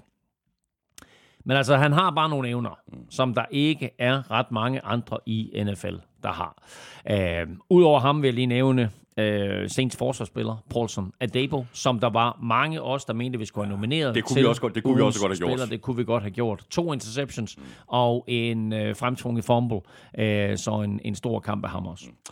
Bears var jo øh, faktisk fint med i den her kamp. Øh, nu har jeg nævnt øh, de fem øh, turnovers, øh, og det kræver vel ikke så sådan den øh, helt store stifinder-eksamen at pege på Tyson Bagent og hans fejl, der, der jo klart var med til at afgøre kampen. Ja, det var de, men altså, han var faktisk ikke så ringe igen. Altså, øh, Bears fører jo faktisk 7-0, og de er også foran 14-7, og lidt overraskende står det jo stadigvæk 17-17. Jeg var overbevist om, at Saints ville vinde den her kamp rimelig komfortabelt. Og er, er det ikke fordi, der er fem turnovers, som Bears laver, det er selvfølgelig en del af at spille amerikansk fodbold, det er øh, beskyt bolden, når du har den, fremtvinge fejl fra andre. Ikke? Altså, så fem turnovers, det er klart, at det er med til at afgøre den her kamp. Men har, laver de ikke de fem turnovers, så kan de jo faktisk godt gå ind her og lave en kæmpe overraskelse med en rookie quarterback, der spillede anden divisions college sidste år. Ikke? Øhm, efter en f- f- f- flot første kamp af, af Tyson Bates, og så en middelmodig anden kamp, så laver han nogle fejl her. Øh, han kaster tre interceptions, og han fumbler en enkelt gang. Øh, og det forærer jo til dels Saints sejren. Men kigger man på, på det positive, så kaster han for 220 yards med to touchdowns. Han løber for 70 yards selv. Og kan Bears skære ned på hans fejl, så er han altså ikke helt ueften. Men jeg tror alligevel stadigvæk, de glæder sig til at få Justin Fields tilbage. Mm. Um, er der lang tid til draften? Men altså lige nu, der har de deres eget pick, som i, hvis sæsonen slutter nu, vil være pick 3. De har også Panthers pick, som hvis sæsonen slutter nu, vil være pick 2. Hvad gør de med de to picks? De har en, altså Tyson Bagent, selvfølgelig er ikke noget, man bygger fremtiden på, tror jeg. Men de har Ej, ham, de- og de de- har Justin De Fields. skal kigge på Justin Fields. Ja, Ja, ja. ja. Vil vi satse på ham fremadrettet, ja, ja. ellers så skal vi øh, Ja, ja, vente men, på men en altså, til. Ikke? altså han, han er en sjov spiller, uh, Tyson Bagton, synes jeg. Men altså, hans turnovers er med til at afgøre den kamp her. Saints, de er 5 og 4. De skal øh, et smut til Minnesota og spille mod Vikings. Bears, de er 2 og 7, og de øh, åbner øh, 10. spillerunde hjemme Thursday night mod øh, Panthers. Og så går vi videre til øh, Falcons Vikings, og det var så en af de her kampe, hvor man øh, sad helt ude på kanten af sædet, ikke mindst til allersidst i kampen. Vikings, de vandt med 31-28. Jeg tog jo øh, Falcons i picks i sidste uge, de gjorde jeg, fordi jeg simpelthen havde svært ved at se, hvordan de skulle få angrebet til at fungere uden Kirk Cousins. Big mistake. På det tidspunkt, ja, der vidste vi jo ikke, at Vikings ville trade sig til øh, Joshua Dobbs. Jeg tror nu ikke, at øh, Øh, det havde gjort den helt store forskel i forhold til mit pick. Dobbs øh, begik også, øh, som jeg også har nævnt tidligere, nogle øh, store fejl undervejs, men det var ham, der vandt kampen for Vikings til allersidst. Og jo så også derfor, at vi nominerede ham til ugens spiller. Øh, det er ret vildt at få den rolle, efter at han kom til Minnesota i tirsdags, altså for en uge siden. Han havde jo nærmest ikke trænet med holdet. Han blev traded tirsdag. Han kom til Minnesota onsdag. Han havde ikke taget et eneste snap med førsteholdet. Alle snaps med førsteholdet gik til rookie Jaron Hall, som Vikings ville gøre klar til kamp. Jaron Hall starter. Han ryger ud med en jernrystelse på den anden angrebsserie. Ind kommer Josh Dobbs. Han står og træner snaps med center Garrett Bradbury på sidelinjen. Han står og øver snap count med de offensive linjemænd, fordi de ikke er vant til at høre på, hvordan han laver snap count, og så kan de instruere ham i, jamen Kirk plejer at gøre sådan her, og så må han vende sig til det. Og så kommer han ind, og helt ærligt, i løbet af den her kamp, han oplever alt i den her kamp, hvad en quarterback kan opleve i en sæson eller en karriere. Han bliver taklet for en safety. Han fumbler. Han kaster en interception. Han konverterer en fjerde down og syv øh, sent i kampen. Han øh, løber et touchdown ind. Han kaster et touchdown ind, og han fører Vikings til en comeback-sejr. Øh, det er også derfor, at vi nominerer ham, fordi han, han, han kendte ikke de spillere, han spillede sammen med. Han, kendte, han, han aner ikke, hvad de hedder. Han kaster et touchdown til sidst. Han, han konverterer den der fjerde down og syv. Han er ved at blive sækket med 40 sekunder igen. Så konverterer han, løber han selv til et første down. 15 sekunder senere, der kaster han bolden til nummer 4, som han ikke aner, hvad hedder. Før stadionspeakeren, han råber det op. Touchdown scored by Brandon Powell. Nå, Paul! Godt grebet, godt grebet Brandon. det er, Det er så vildt, ikke? det er, det er så, så, vildt. Det er så vildt. sindssygt. Ja. Øh, så vild fed historie nu, og vi se, hvor længe, hvor længe det holder. Lidt malurt i bæret for Vikings. Så får de running back Cam Akers akilleskadet ugen efter, at Kirk Cousins bliver akilleskadet, så Cam Akers også færdig for sæsonen. Ja. Det her, det var en, en tæt kamp, og jeg går ud fra, øh, Elming, at vi er enige om, at uh, Falcons lige så godt kunne have vundet kampen. Nej. Men, men igen, nej. Øh, øh, og her har vi den igen, øh, den der med turnovers, fordi Ja. altså, Falcons de lavede to af slagsen med ganske få minutters mellemrum, og, og de to turnovers viser op de dyre, ikke? Falcons havde momentum i den her kamp, men i tredje kvartal, der laver de to turnovers med tre minutters mellemrum, en fumble og en interception, og for det første, så stopper de selvfølgelig lovende angrebsserier for Falcons, for det andet, så fører de 10 point til øh, 10 Vikings point i den modsatte ende. Øh, jeg jeg har nævnt det et par gange øh, omkring det her Vikings forsvar. Øh, de har ganske, ganske få, få profiler, men de spiller vanvittigt godt som en enhed, og øh, de er godt coachet af Brian Flores, der har sat noget helt an- anden aggressivitet ind, og, øh, og også varierer sit angrebsspil, øh, eller sit forsvarsspil rigtig, rigtig godt. Øh, nogle gange så rusher de syv mand, andre gange så rusher de tre mand, og så dropper der otte mand tilbage, og det var altså nok til at forvirre øh, til Heineke, mens øh, Desmond Ritter jo stod på sidelinjen. Heineke er i øvrigt udnævnt som starter til den øh, kommende mm. weekend også. De stopper øh, gang på gang øh, Falcons, og det betød så faktisk også lidt, at, at jeg synes, at Arthur Smith, øh, han vælger nogle mærkelige spil for, for Falcons angreb, altså som da, da Falcons de overtager bolden efter en, en Josh Dobbs øh, fumble på Vikings 1-yard-linje. Der først så forsøger de et kast til Smith, øh, incomplete. Øh, så løber de en tight end reverse med, med Jonas Smith. Øh, den bliver stoppet. Så et løb med Tyler Algier, stoppet. Og så sparker de field goal. Øh, og der er det, jeg tænker lidt, okay, du har Kyle Pitts. Drake London er ude, men du har Kyle Pitts. Du har også en fyr, der hedder Bijan Robinson, du drafter med pick nummer 7. Altså, hvorfor får han ikke bolden her? Han fumbler så lidt senere i kampen i øvrigt, ikke? Men, øh, det er bare mærkeligt øh, med, med det her angreb, og jeg synes, der bliver taget nogle mærkelige beslutninger sådan øh, personalmæssigt, og jeg forstår det ikke. Det her, det var en kæmpe skuffelse for Falcons, som burde have vundet kampen, og burde have konsolideret sin første plads i NFC øh, South. Nu mister det den i stedet for. Falcons er altså nu øh, 4-5, og de skal et øh, smut til Arizona og spille mod Cardinals. Vikings de er 5 og 4, og de spiller hjemme mod Saints.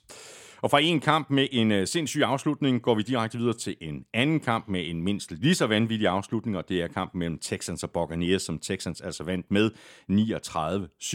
39-37 til allersidst. Eller jeg skulle måske sige, at det var CJ Stroud, der vandt til allersidst. Øh, Sikke en præstation af ham, altså helt generelt. 30-42 for 470 yards, 5 touchdowns og en passer rating på 147,8, og så lige den der afslutning oven i det hele. Altså spørgsmålet er i virkeligheden, han lå jo rimelig godt øh, til i forvejen. Spørgsmålet er, om det her, det var Rookie of the Year, der blev afgjort lige der. Om Texans, de så taber resten af kampene i år, så bliver CJ Rout ubetinget Offensive Rookie of the Year, og jeg kan ikke se nogen forsvarsspillere, for årets draft, øh, draftårgang, øh, der skal kunne vriste Rookie of the Year, altså den overordnede, både med angreb og forsvar, øh, Rookie of the Year fra CJ Stroud. Det han har gang i her, vi skal bare lige lægge mærke til, det er ikke normalt. Det vi ser fra CJ Stroud, det er ikke normalt. Han er rookie. Han er quarterback. Det er som regel en rimelig dårlig cocktail. Han, Men, det, det vilde er, at han ligner i virkeligheden sig selv fra college. Det gør han. Han, altså, han spillede sådan her for Ohio State. Ja. Og så kommer, der, så kommer der den der test, han tager, som han, som han bummer den lidt på.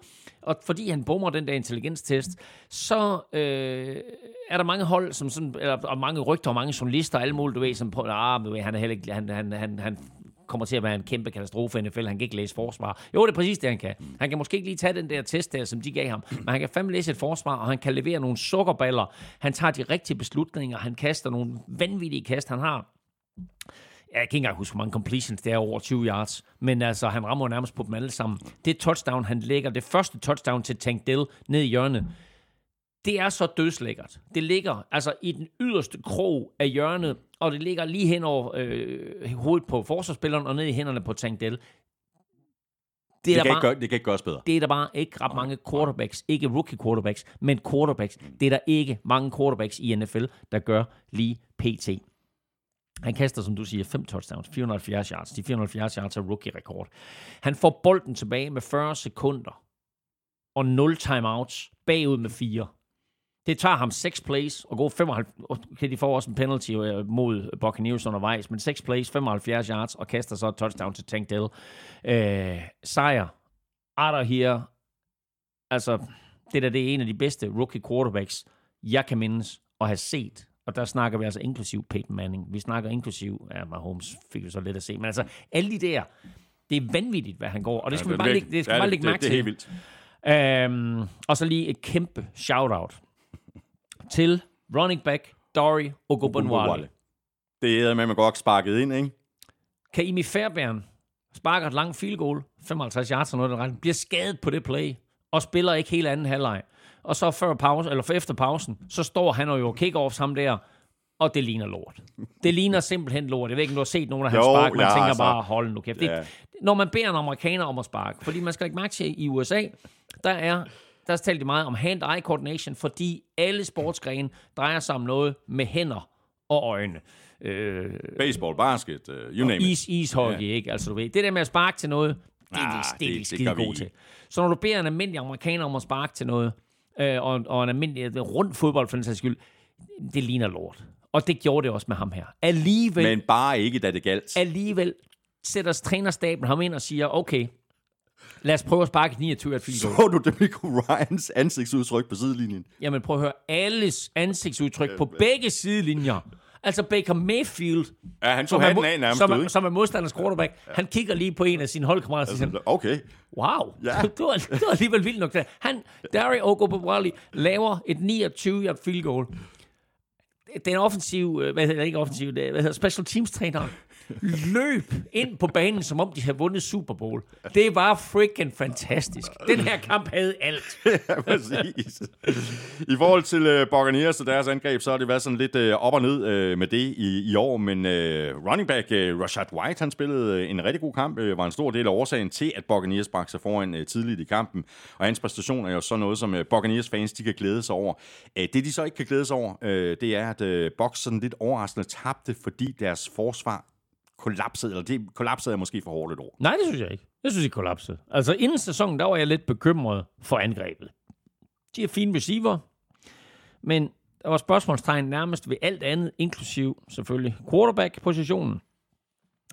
Men altså, angrebet fungerer fint. Baker har haft sin udfald undervejs i sæsonen, men han spiller fornuftigt. Her der kaster han for 270 yards. Uh, Rashad White uh, har over 100 yards løb og scorer øh, eller box scorer til 37-33 med 40 sekunder igen. Alligevel kan forsvaret ikke holde stand. Det er altså et forsvar med en stribe velkendte navne, inklusiv på linebacker Lavonte David og Devin White, inklusiv Antoine Wilfield øh, i de bagerste glæder, men deres kasteforsvar er simpelthen elendigt, og CJ Stroud piller dem bare fra hinanden hele kampen, inklusiv til, til aller, aller sidst her. Øh, Texans har kun 26 yards løb i hele kampen, og alligevel formår de ikke at stoppe CJ Stroud. Altså, de ved, Texans løber ikke bolden, de kan ikke løbe bolden. Vi kunne principielt trække alle de mennesker tilbage i opdækning, vi vil. CJ Stroud, han er ligeglad. Han lægger den ene klassebold efter den anden. Buccaneers kunne ingenting gøre. Texans, de er 4-4. De spiller ud mod Bengals. Buccaneers er 3-5, og de får besøg af Titans. Så går vi videre til en øh, kamp, der rent faktisk øh, blev noget tættere, end jeg havde regnet med, og det var faktisk også spændende til sidst, men det lykkedes ikke for Mac Jones at fuldføre comeback-forsøget, og Commanders vandt altså øh, kampen på udebane med 2017, og det gjorde de med en stort set ny defensiv linje, altså uden Montez Sweat og Chase Young. Og nu er Commanders 4-5, og hvis vi kigger på divisionelminger og resten af konferencen mm. for den sags skyld, så er de jo i teorien stadig med i kampen om en, en slutspidsplads, og det er sikkert også det, vores gode Commanders fan øh, refereret til mm. i begyndelsen af udsendelsen. Jamen, det er jo lidt vildt at tænke på, at de ligger lige der, lige uden for, for, for de aktuelle slutspilspladser, og jeg tror heller ikke, det er noget, der kommer til at vare ved. Men altså, Bortset fra Eagles og til dels Lions, så er der ikke nogen hold, der er stukket af i, i NFC-halvdelen. Commanders, de er 4 og 5. Øh, de har lige holdt brandudsalg. De har sagt farvel til de der to superstjerner på forsvaret. okay, øh, Patriots er ikke øh, den, den bedste modstander, men alligevel så holder Commanders forsvar dem jo. Øh, uden Chase Young og uden Montez Sweat, så holder de jo Patriots til tre point i hele anden halvleg.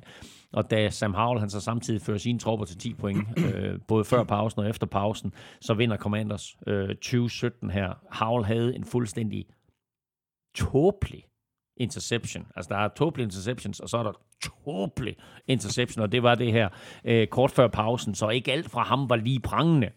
Men øh, det er jo lige meget i, i den NFL, hvor alle sejre øh, er svære at få, og Commanders, de vinder her.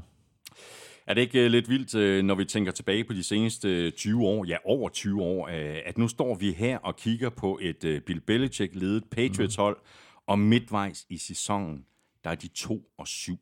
2 og 7. Altså, mm. der er efterhånden ikke ret meget, der fungerer i New England. Er der?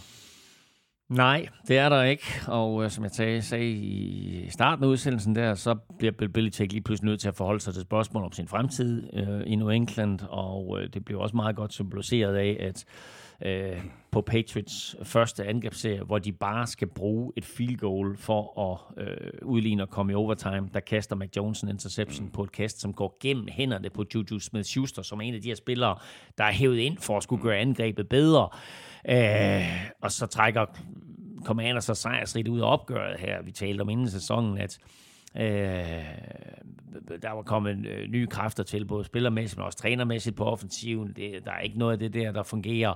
Øh, forsvarsmæssigt har de selvfølgelig lidt enormt stor tab i, at det deres to bedste forsvarsspillere øh, er udgået, både Matt Judon og, og rookie Christian Gonzalez. Men altså normalt så har vi jo next man op, og, og, og Bill Belichick coachet forsvar.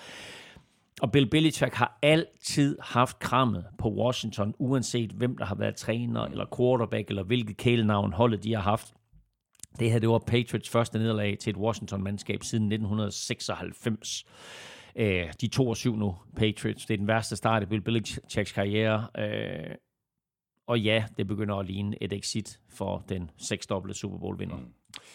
Patriots er altså 2-7. De spiller hjemme mod Colts. Der var en gang, hvor det var et rigtig fedt uh, matchup. Uh, det er det ikke så meget mere. Og Commanders, hjemme, hjemme, hjemme og hjemme, det er jo i Frankfurt. Det er rigtigt, ja. Men de har hjemmebane. Ja. Commanders, de er uh, 4-5, og de spiller ude mod Seahawks.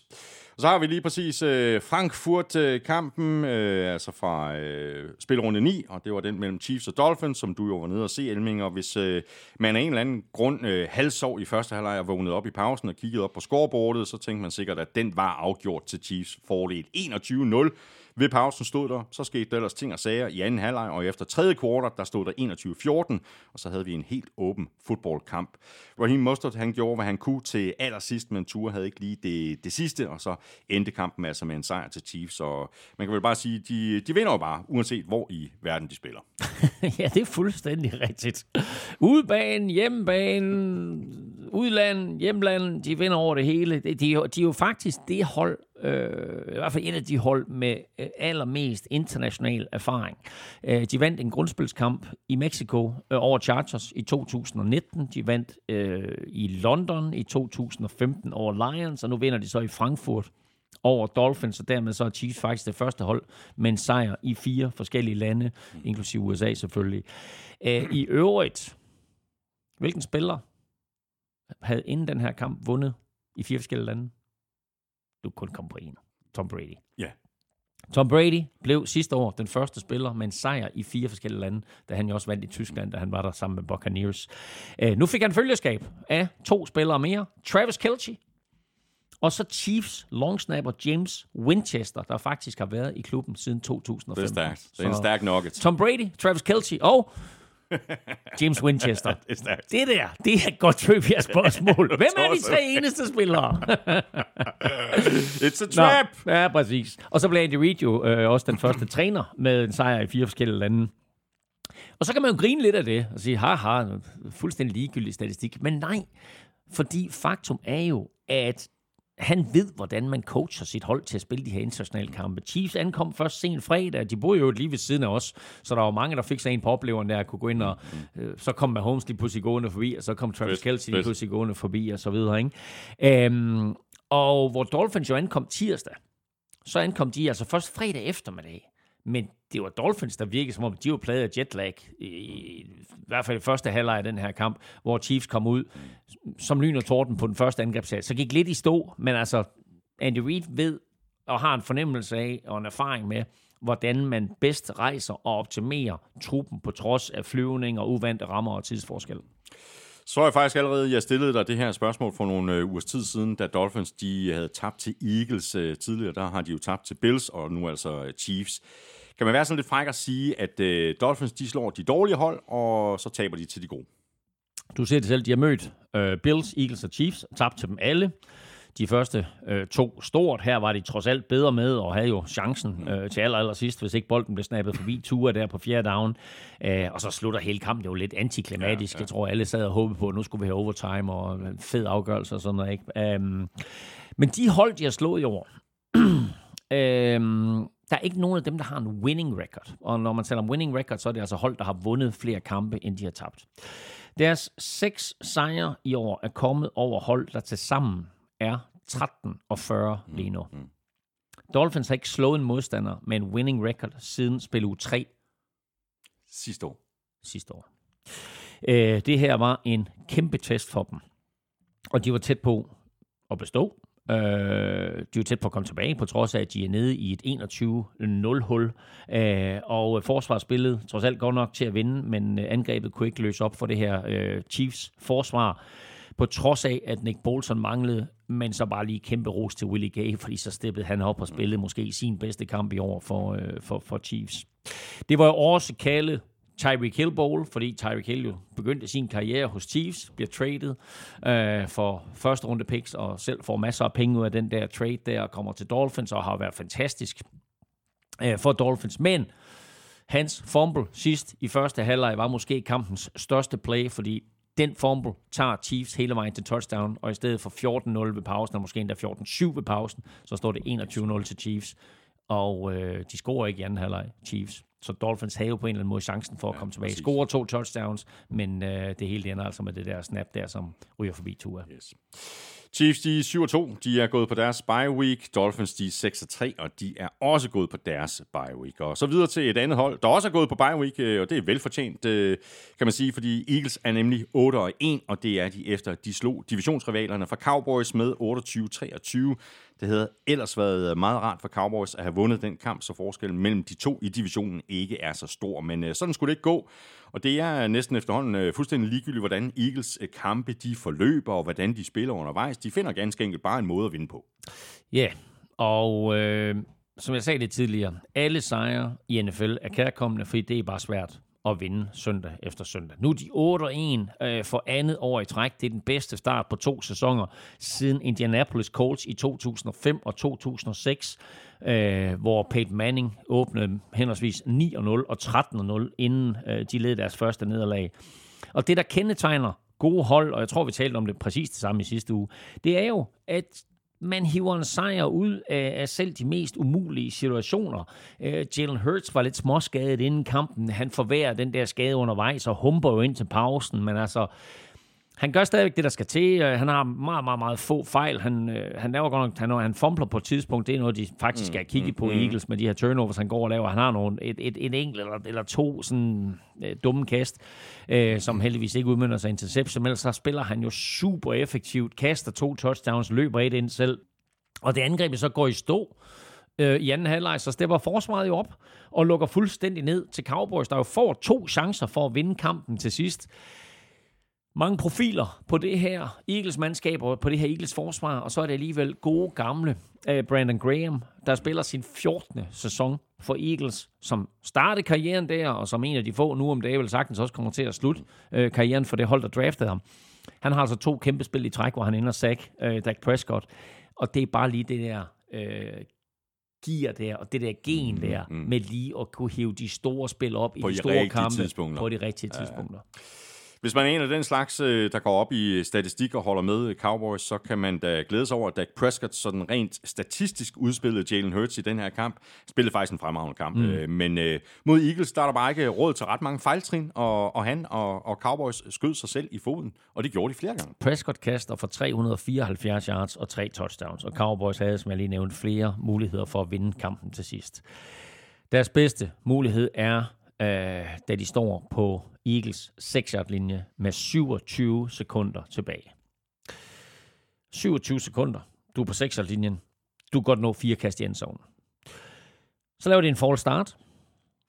Øh, Dak bliver sækket og det er, lidt, det er lidt sjovt, at han bliver sækket. Ikke, ikke at det er sjovt, at han bliver sækket. Men jeg skrev faktisk omkring Will Levis i torsdagskampen, at han begår en rookie-fejl ved at blive sækket på øh, den afgørende drive ned mod øh, Steelers mållinje. Og det må man bare ikke i den situation.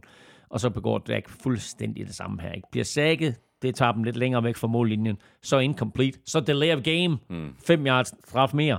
Så står de pludselig, husk på, de startede på 6 linjen så står de pludselig på 27-linjen med et skud tilbage i bøssen.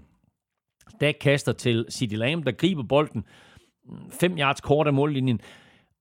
Og, og der er jeg ikke helt sikker på, hvad planen var. Om det er meningen, at han skal gribe den, og så måske vippe den tilbage til en. Om det er trickplay, der går i skud og mudder, eller de bare håber på, at de kan få at de kan ramme City Lam i løb, så han kan komme rundt om nogle forsvarsspillere og måske løbe ind i endzonen. Faktum er, Eagles får ham stoppet. Jeg tror faktisk nok, at han fumbler også, øh, fordi de rammer ham der, men, men det er så, hvad det er.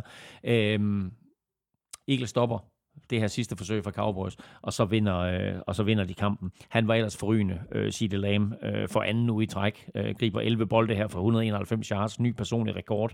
Øh, desværre må Dallas jo nok konstatere, at at det her jo lidt var kampen om, om divisionstitlen, selvom der stadigvæk resterer et, et halvt grundspil. Ja, det er kæmpe forskel, du også refereret har, til, ikke? Altså 7, ja, ja. 7 og 2, og, og, og, og så kunne de været 6 og 3, ikke? Der Kun én kamp, nu er der tre kampe. Der kan stadigvæk nå at ske meget, øh, og der er også det faktum, at, at øh, en, en dårlig nyhed for øh, ikke Dallas Cowboys, men for Dallas Goddard, det er, at han jo brækker armen og er ude i mindst en måned, måske to. Det er et stort våben, du tager væk ja, det det. For, for Eagles. Altså, de kan godt gå hen og tabe nogle kampe, Eagles, men altså nu, nu, er de, nu er de de langt foran i divisionen. Så det, det var lidt divisionstitlen, der kørte med. Altså, øh, tryk på øh, Cowboys, og så lad os se, hvad, hvad der sker med Eagles og De har jo hinanden igen den 10. december. Ja, og det er ikke det værste matchup, øh, Cowboys de har i den kommende spilrunde. Cowboys de er lige nu 5 og 3, og de får besøg af Giants. Eagles de er 8 og 1, og de er gået på deres øh, bye week. Og så vil jeg lige sige, at øh, du nævnte, at Chiefs også er gået på bye week. Ikke?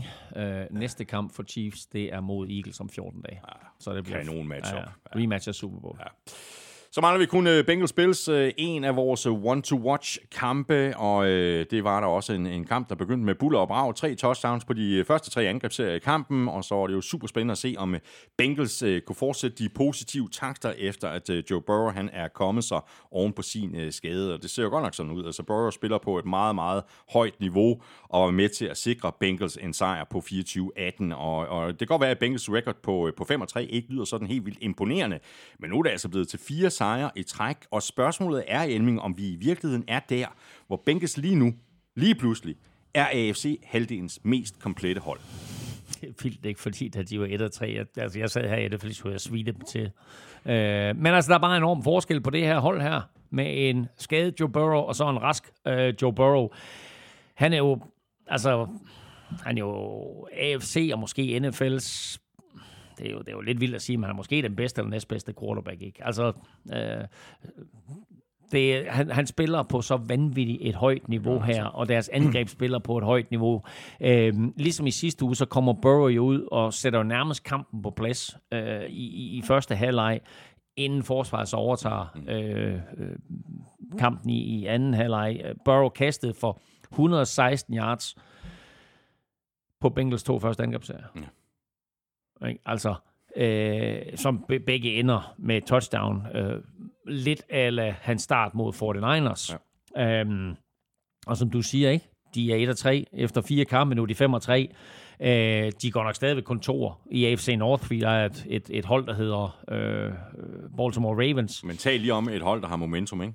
Masser øh, af momentum, og øh, jeg skal jo lave en power ranking i den her uge. Vi kommer med et, et, øh, en udgave mere af NFL-showet, når vi har vores mid-season mm. power ranking, og øh, jeg er da vanvittigt meget i tvivl om, hvor højt Bengals de skal op, øh, ja. men, men de kommer højt op, det er da helt sikkert.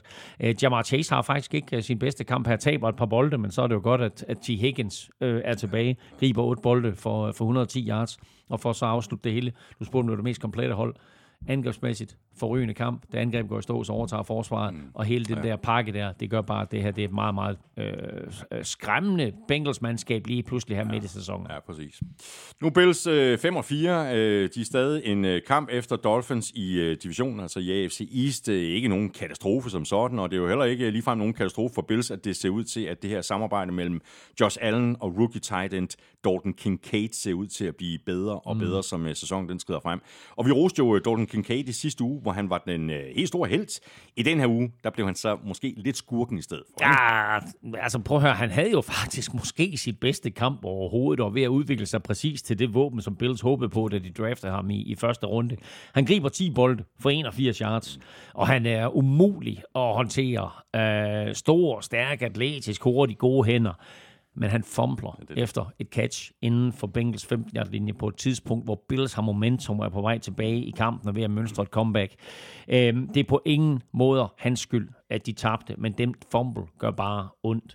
Øh, og det er jo sådan igen, altså prøv at høre, når du spiller forsvar, jamen altså et er at dække op, noget andet er at takle, tre er at fremtvinge turnovers. Og her ikke, Kincaid griber bolden igen, og så stor dude. Hvad gør du ved ham? Du underløber ham lige. Så slår han en salto, og så rammer, så altså, sker der mange ting ind i hovedet på et, med et menneske, når man lige pludselig vender bunden i vejret, og så popper bolden fri. Uh, og det kan han ikke lastes for. Men altså, man, man bliver bare coachet som fodboldspiller i, uanset hvad der sker. Om skal der du holde, skal du fast i den bold? Ja, præcis. Ikke? Ja. Altså, det, er, det er din baby, du har der. Den beskytter du for alt ja. i verden. Ikke? Uh, jeg har så coach nogle spillere var nødt til at sige, det er en du har der. den beskytter du for alt i verden. Ikke? øhm, så den gjorde ondt. Men jeg vil sige, det der gør mere ondt at, at, at se på, når man følger Bills, det er jo, at de er kommet væk fra at løbe bolden, som vi roste dem for i begyndelsen af sæsonen. Øh, og selvom om Stefan Diggs har gang i en, en vild sæson, og faktisk fører NFL i catches med, med 70 styk her ved midtvejspunktet, ikke? hvilket også er crazy at tænke på, ikke? Øhm, så skal de løbe bolden mere, og de skal løbe bolden bedre, hvis de vil give sig selv en chance for at slå øh, Chiefs og Bengals og Ravens for ja. en sags skyld i slutspillet. Ikke? Bengals er altså øh, 5 og 3. De får besøg af Texans. Øh, Bills er 5 og 4, og de øh, lukker og slukker for 10. spilrunde hjemme Monday night, og det gør de imod Broncos. Så kommer vi igennem alle kampene fra uge 9. Lige om et øjeblik, så skal vi omkring øh, quizzerne, og vi skal også have sat vores picks til 10. spillerunde. Men før vi gør det, så skal vi lige, fuldstændig ligesom vi plejer at gøre det, have fat i dit momentometer, Elming. Du nævnte det jo lige før. Er der, er der sket noget? Og her tænker jeg selvfølgelig ikke mindst på øh, top og bund 3. Eagles vinder. De lå etter, så de kan ikke ændre sig. Øh, Jacksonville sad over, de lå toer. Øh, jeg ved ikke, hvad der sker med dem. Mm. Øh, Ravens vandt, Chiefs vandt, Bengals vandt. De kommer på en eller anden måde alle sammen lidt længere op i hierarkiet. Og i bunden, Er der ved, ved at være lidt uh, trafikprop dernede? Eller hvad? ja, men altså Raiders vandt, og de lå nederst. Så de bevæger sig uh. i hvert fald væk fra bunden. Og så er spørgsmålet, om det skal være Cardinals eller Giants, der skal nederst. Spændende er det. Du kan læse øh, momentometeret i sin helhed på gulklud.dk, og det kan du, når Elming får skrevet det færdigt og får det uh, lagt op. Nu skal vi et uh, smut i podcastkøkkenet. Og det skal vi i uh, selskab med Hello Fresh, verdens førende leverandør af måltidskasser pakket med friske råvarer, leveret lige til døren og super nemt at gå til. Er det ikke rigtigt, Elming? Det er super nemt at gå til. Elsker det. Skal jeg sige mere? Ja, Nå, men jeg, synes, jeg synes, det var rigeligt på. Det er... Jamen, du elsker dem. Det er faktisk det er en god start i hvert fald. Men altså, man kan jo sige, Elming, du bor alene. Jeg bor her sammen med fruen. Vi er kun to på matriklen. Øh, og det her med, med Hello Fresh, øh, det er en øh, kæmpe lettelse. Øh, det er dejligt, øh, både for sådan en som øh, dig, og sådan nogen som os. Øh, prøv så lige en gang at forestille dig, hvor stor en lettelse det må være som børnefamilie at begynde at få leveret Hello Fresh til døren. Der er jo nok lige en del øh, mellemregninger, der bliver fjernet fra to-do-listen. Et er der øh, fuldstændig styr på indkøbet. To er der en god variation af det, man serverer. Tre, øh, jeg har nogle familiemedlemmer, som jeg vil kalde kredsende. Øh, og der kan man have en tidlig alder begynde at, at lade sine børn smage en masse forskellige retter. Det er super vigtigt. Øh, jeg skal i aften have øh, det, der hedder Barmy-inspireret svinekødsbowl. Det er anden gang, jeg får den. Første gang, der sad jeg bare og kiggede på det der og tænkte, det her det er noget af det absolut bedste, jeg nogensinde har fået. Så jeg glæder mig vanvittigt meget ja. til, at jeg skal lave Barmy-inspireret svinekødsbowl i aften. Ja, men det smager rigtig godt. Vi har også fået den en, en enkelt gang, og så øh, kører vi jo øh, i virkeligheden den samme trick, gør vi ikke? Det her med øh, en enkelt vegetar og en enkelt med fisk øh, hver uge. Det gør vi i hvert fald herhjemme. Jeg tror, det der med vegetar kommer til at springe over på den her Nå, uge. ja, det kan, man, det kan man også godt komme til. øh, der er rigtig mange gode grunde til at blive kunde hos Hello Fresh, øh, også hvis du har små børn derhjemme. Der er nemlig masser af børnevenlige retter oven i alle vegetarretterne og alle de måltider, der maks tager en halv times tid at lave. Alle måltider er doseret, så det hele passer perfekt til det antal personer, du har bestilt til. Så der er altså ikke noget madspild, og det er jo både godt for klimaet og for dine pengepunkt. Hvis du ikke er kunde hos øh, Hello Fresh endnu, så kan du blive det i en fart, og du kan ovenikøbet spare en masse penge på dine fem første måltidskasser, helt op til 1.199 kroner, og det kan du, hvis du bruger vores kode HFNFL på hellofresh.dk.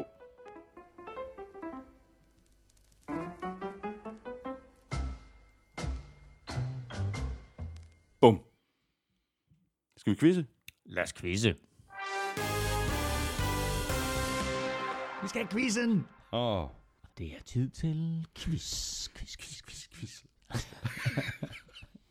Nå, jeg svarer øh, på dit øh, spørgsmål først. Jeg har noteret lidt navne undervejs Ja. i udsendelsen. Spørgsmålet var øh, omkring C.J. Stroud. Han har kastet for 470 yards og 5 touchdowns. Han er den anden rookie i historien med over 400 yards catch, catch, catch, catch, catch kast ja. og 5 touchdowns. Hvem yes. var den første? Yes, øh, bum, bum, bum. Øh, jeg har, som sagt, jeg har skrevet øh, fire navne øh, ned. Ja, tak. Øh, jeg tager dem simpelthen bare i den øh, rækkefølge, som Ja. jeg har skrevet dem ned. Jeg- Øh, det er den ja. øh, Jeg- rækkefølge, jeg kom i tanke om navne på. Øh, Justin Herbert, Nej, Matthew Stafford, måske. Hvad er de to Russell, andre? Russell Wilson, Nej, Deshaun Watson. nej. Er, er det ikke... Øh, Jamen, jeg sagde måske jo. Nå, måske. Hvem var det, du sagde? Måske til Matthew Stafford, Ja, eller? Matthew Stafford. Det er fuldstændig korrekt. Uh, det er skarpt, Thomsen. Det må jeg sgu jamen sige. altså, en ud af fire, det er der ikke. Jeg ved ikke, hvor skarpt Det var er. nummer to på din liste. Nå, ja, okay. Men fuldstændig korrekt. Det var Matthew Stafford. Lækkerier. 400, 422 yards og 5 touchdowns uh, i sin rookie-sæson 22. november 2009 imod Browns. Uh, så uh, det var, det var vel, vanvittigt skarpt, vil jeg sige. Ved du hvad, jeg har sådan lidt på fornemmelsen, at nu kommer der også et øh, skarpt svar for dig, Ja. fordi øh, Jakob Question Mark øh, Hansens øh, spørgsmål, det tog jo også udgangspunkt i CJ Stroud. Mm. Øh, og øh, det kan godt være, han er god, men han skal, øh, hvad kan man sige, klemme Ja. ja. ballerne sammen, hvis Ja. han skal nå op på siden af fire spillere, der Ja. ja. har rundet 4.000 øh, mm. kastejards i deres øh, debutsæson. Ja. Ja. Hvem er de fire? Ja. Andrew Luck? I, ja, det er fuldstændig øh, korrekt. Ja. Justin Herbert. Også fuldstændig korrekt. Det er kedeligt, det her. Cam Newton. Også fuldstændig korrekt. Ja. Og det er jo så der, det hele det stopper. Ej, men så, ved du, så siger Matthew Stafford, fordi det er sådan, at... øh, Ja, det kunne have været sjovt, ikke? Så har det været sådan en rigtig indbygget ja, Elming-quiz, ja, omvendt men, og så videre. Men det, men det var det ikke. Nej, det er det ikke. Så skal jeg have lidt hjælp til den sidste. Øh, ja, tak. Øh, kan du hjælpe med et årstal? Prøv det. Øh, 2015, og så kan jeg hjælpe med lidt mere. Han er meget berømt. Han er så berømt. Ja, men nu skal jeg bare lige tænke, han er så berømt. Ja, det er han. Nå, famous James. Exactly. Okay, Nå, okay. James Winston. det var nemlig ham.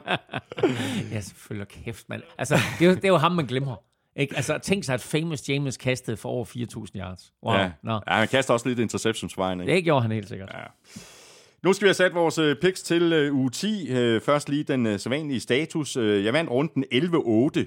Øh, og det betyder, at den samlede stilling nu er 88-81. Jeg synes egentlig, jeg tog nogle chancer undervejs i sidste uge, men øh, så kan det jo gå. Ikke en eneste. Jo, det Nej, du tager, gjorde ikke, jeg. du tager Det gjorde chancer. jeg i hvert fald. Ha! Det gjorde jeg. Jeg tog da en chance, da jeg sagde Falcons over, over Vikings, for eksempel. Det er jo en mega chance at tage. Ja, det Du mener ved, jeg du ved, du. Det du, mener jeg du ved godt, at Vikings gav odds 72 for en sejr, ikke også? Jeg joket. Okay. Ja, det er godt. Nå, øhm, øh, 10. spillerunde, fire hold på bye week, Rams og Eagles, og de to hold, der lige har spillet i øh, Frankfurt, Chiefs og Dolphins. Vi lægger ud med øh, Bears Panthers. Torsdag aften, Bears hjemme imod Carolina Panthers. Det er to rookie quarterbacks mod hinanden. Det er Tyson Bagent imod Bryce Young. Den ene, yeah. øh, nummer et overall pick. Den anden, en anden divisions quarterback fra sidste år, undrafted. Og jeg tror sgu, at Tyson Bagent han vinder. Så øh, jeg siger Bears. Jeg siger også Bears. Øh, Patriots Colts. I Frankfurt. Ja. Kl. 15.30 på søndag. Um, jeg siger Colts. Jeg siger også Colts. Ravens Browns. Den er spændende. Ravens Browns er rigtig, rigtig spændende. Browns fantastiske forsvar imod et Ravens-mandskab, der spiller på alle tangenter, og jeg siger, at Ravens vinder. Jeg siger også Ravens vinder. De, ja. øh, det er hjemmebane, men øh, ja. sikkert det her forsvar, det spiller ja. For Browns. Øh, er det one to watch? Nej, Nej. Den skulle bare springe over. nej, den Lortekamp. kommer. Den kommer. Nej, det er en fantastisk kamp, det er slet ikke det. Bengals Texans. Det kunne sagtens være one to watch, ja. um, men det er det heller ikke. Men det bliver, ret, det bliver en ret interessant kamp, ikke? Mm. Altså, og det vilde det hele, det er, Texans er 4-4. Og de ligger lige der, altså de, jo, altså, de, de kan jo spille sig i slutspillet. Og det, der er interessant med den her kamp her, ikke, det er, det der skete med Bengals, da de draftede Joe Burrow, det var, at hele byen, holdet, alt omkring Bengals fik en anden identitet. For to år siden, der tænkte jeg omkring Texans. Det hold, det kommer aldrig nogensinde på fod igen. Alt er ødelagt. Fanbasen er ødelagt. Der er ingen, der gider ja Texans. efter Deshaun Watson sagaen, ikke? Så får de CJ Stroud ind. Nu er det jo en helt anden historie. Folk elsker Texans mandskab igen. Vi sidder og, og skamroser ham. Det her Texans mandskab er, er sjov at se på. Altså, så det er, det er den, den gamle CJ Stroud og den nye CJ Stroud, eller den ægte, der mødes her. Ikke? Uh, men jeg tror, at den gamle uh, Joe Burrow trækker det også. længste strå. Så Bengals. Havde været lidt mere spændende, hvis, det, øh, hvis de havde spillet i Houston. Jeg siger også øh, Bengals på hjemmebane. Jaguars, 49ers. Der, også har du, der har du din one to watch. Ja, det er også en rigtig spændende kamp. One to to hold, der lige kommer fra deres uh, bye week. One to watch i klokken 19 vinduet. Øhm, og jeg frækker siger, at øh, Jaguars på hjemmebane trækker det længste strå. Ja, det er jeg også bange for, de gør, men jeg bliver nødt til at sige 49ers. Selvfølgelig, det er også godt. Ja, ja. Vikings Saints. ja Bob. Øhm, Josh Dobbs i sin anden kamp, mm. heldigvis på hjemmebane, mm. men møder et Saints forsvar, der er rigtig, rigtig giftigt. Så jeg siger Vikings. Jamen, jeg siger også Vikings. Nå, nå, nå. Ja, ja. Steelers, Packers. Steelers. Steelers. Box, Titans. Ja. Jeg siger Titans. Jeg siger box. Jeg går simpelthen bare med hjemmeholdet. Og Godt. det, er, Det er fint. Ja. Ja. Øh, Cardinals, Falcons. Klokken 22. Falcons. Øh, jeg siger Cardinals. What? Ja, de har Kyler Murray tilbage. Ja, det er godt. Jeg siger stadigvæk Falcons. Det er godt. Chargers, Lions. er uh, one to watch Ja. ja. i det sene vindue. Uh, og jeg siger, at Lions efter en bye week kommer ud og besejrer Chargers på udebane. Ja, det kunne ellers være tre sejre i træk til, øh, til Stadia Company, øh, men jeg siger også, jeg siger også Lions. Øh, jeg synes, de har set øh, rigtig godt ud, og som du siger, så kommer de lige fra deres, øh, fra deres bye week. Øh, Cowboys, Giants, Cowboys. Det er Dallas Cowboys med Dak Prescott og hele Amerikas team imod Tommy DeVito and the New York Giants. The New York Football Giants. Jeg siger Cowboys. Selvfølgelig godt det. Seahawks Commanders. Ja, jeg siger Seahawks. Jeg siger også Seahawks. Raiders Jets. Er Sunday night. Ja. Øh, Raiders på hjemmebane. ja. Øh, det er helt nyt Raiders-mandskab, ny identitet, ny gejst. Jets så bare ikke godt ud i weekenden. Nej, det gjorde de men godt men nok det er ikke, men jeg siger også, Jets. Det, gør du det? Ja. Det er godt, det er fedt. Jamen, så siger jeg Raiders. Så mangler vi kun en enkelt kamp. Ja. Bills Broncos. Ja, altså, Ja. og den, den skal Bills simpelthen vinde på hjemmebane. Det er Monday night, uh, men det er også et. Broncos-mandskab, der lige har siddet over, og øh, de har set godt ud uh, de seneste par kampe, men uh, Bills, Bills skal simpelthen vinde den. Ja, det er det, det, det, det skal de. Og øhm, ja, Sean Payton, vi snakkede i, i begyndelsen af, af udsendelsen om det her med head coaches, der er i fare for at blive fyret. Nu tror jeg ikke, at Sean Payton er i fare for at blive fyret. Men hvis han ikke hed Sean Payton, Ja. Og havde den historik, som han Ja, har, ja. så kunne han altså også godt komme i fare, øh, hvis, øh, Nu er hvis det han ikke får år- rettet op på, nu er på, det på den første her Broncos. år, og de har, de har givet kassen for at trade op for at få ham, ja. eller trade sig til at få, få lov til at ansætte ham. Så, så nej. Ja, præcis. Tak for det, Emling. Øh, Fornøjelse som, øh, som altid.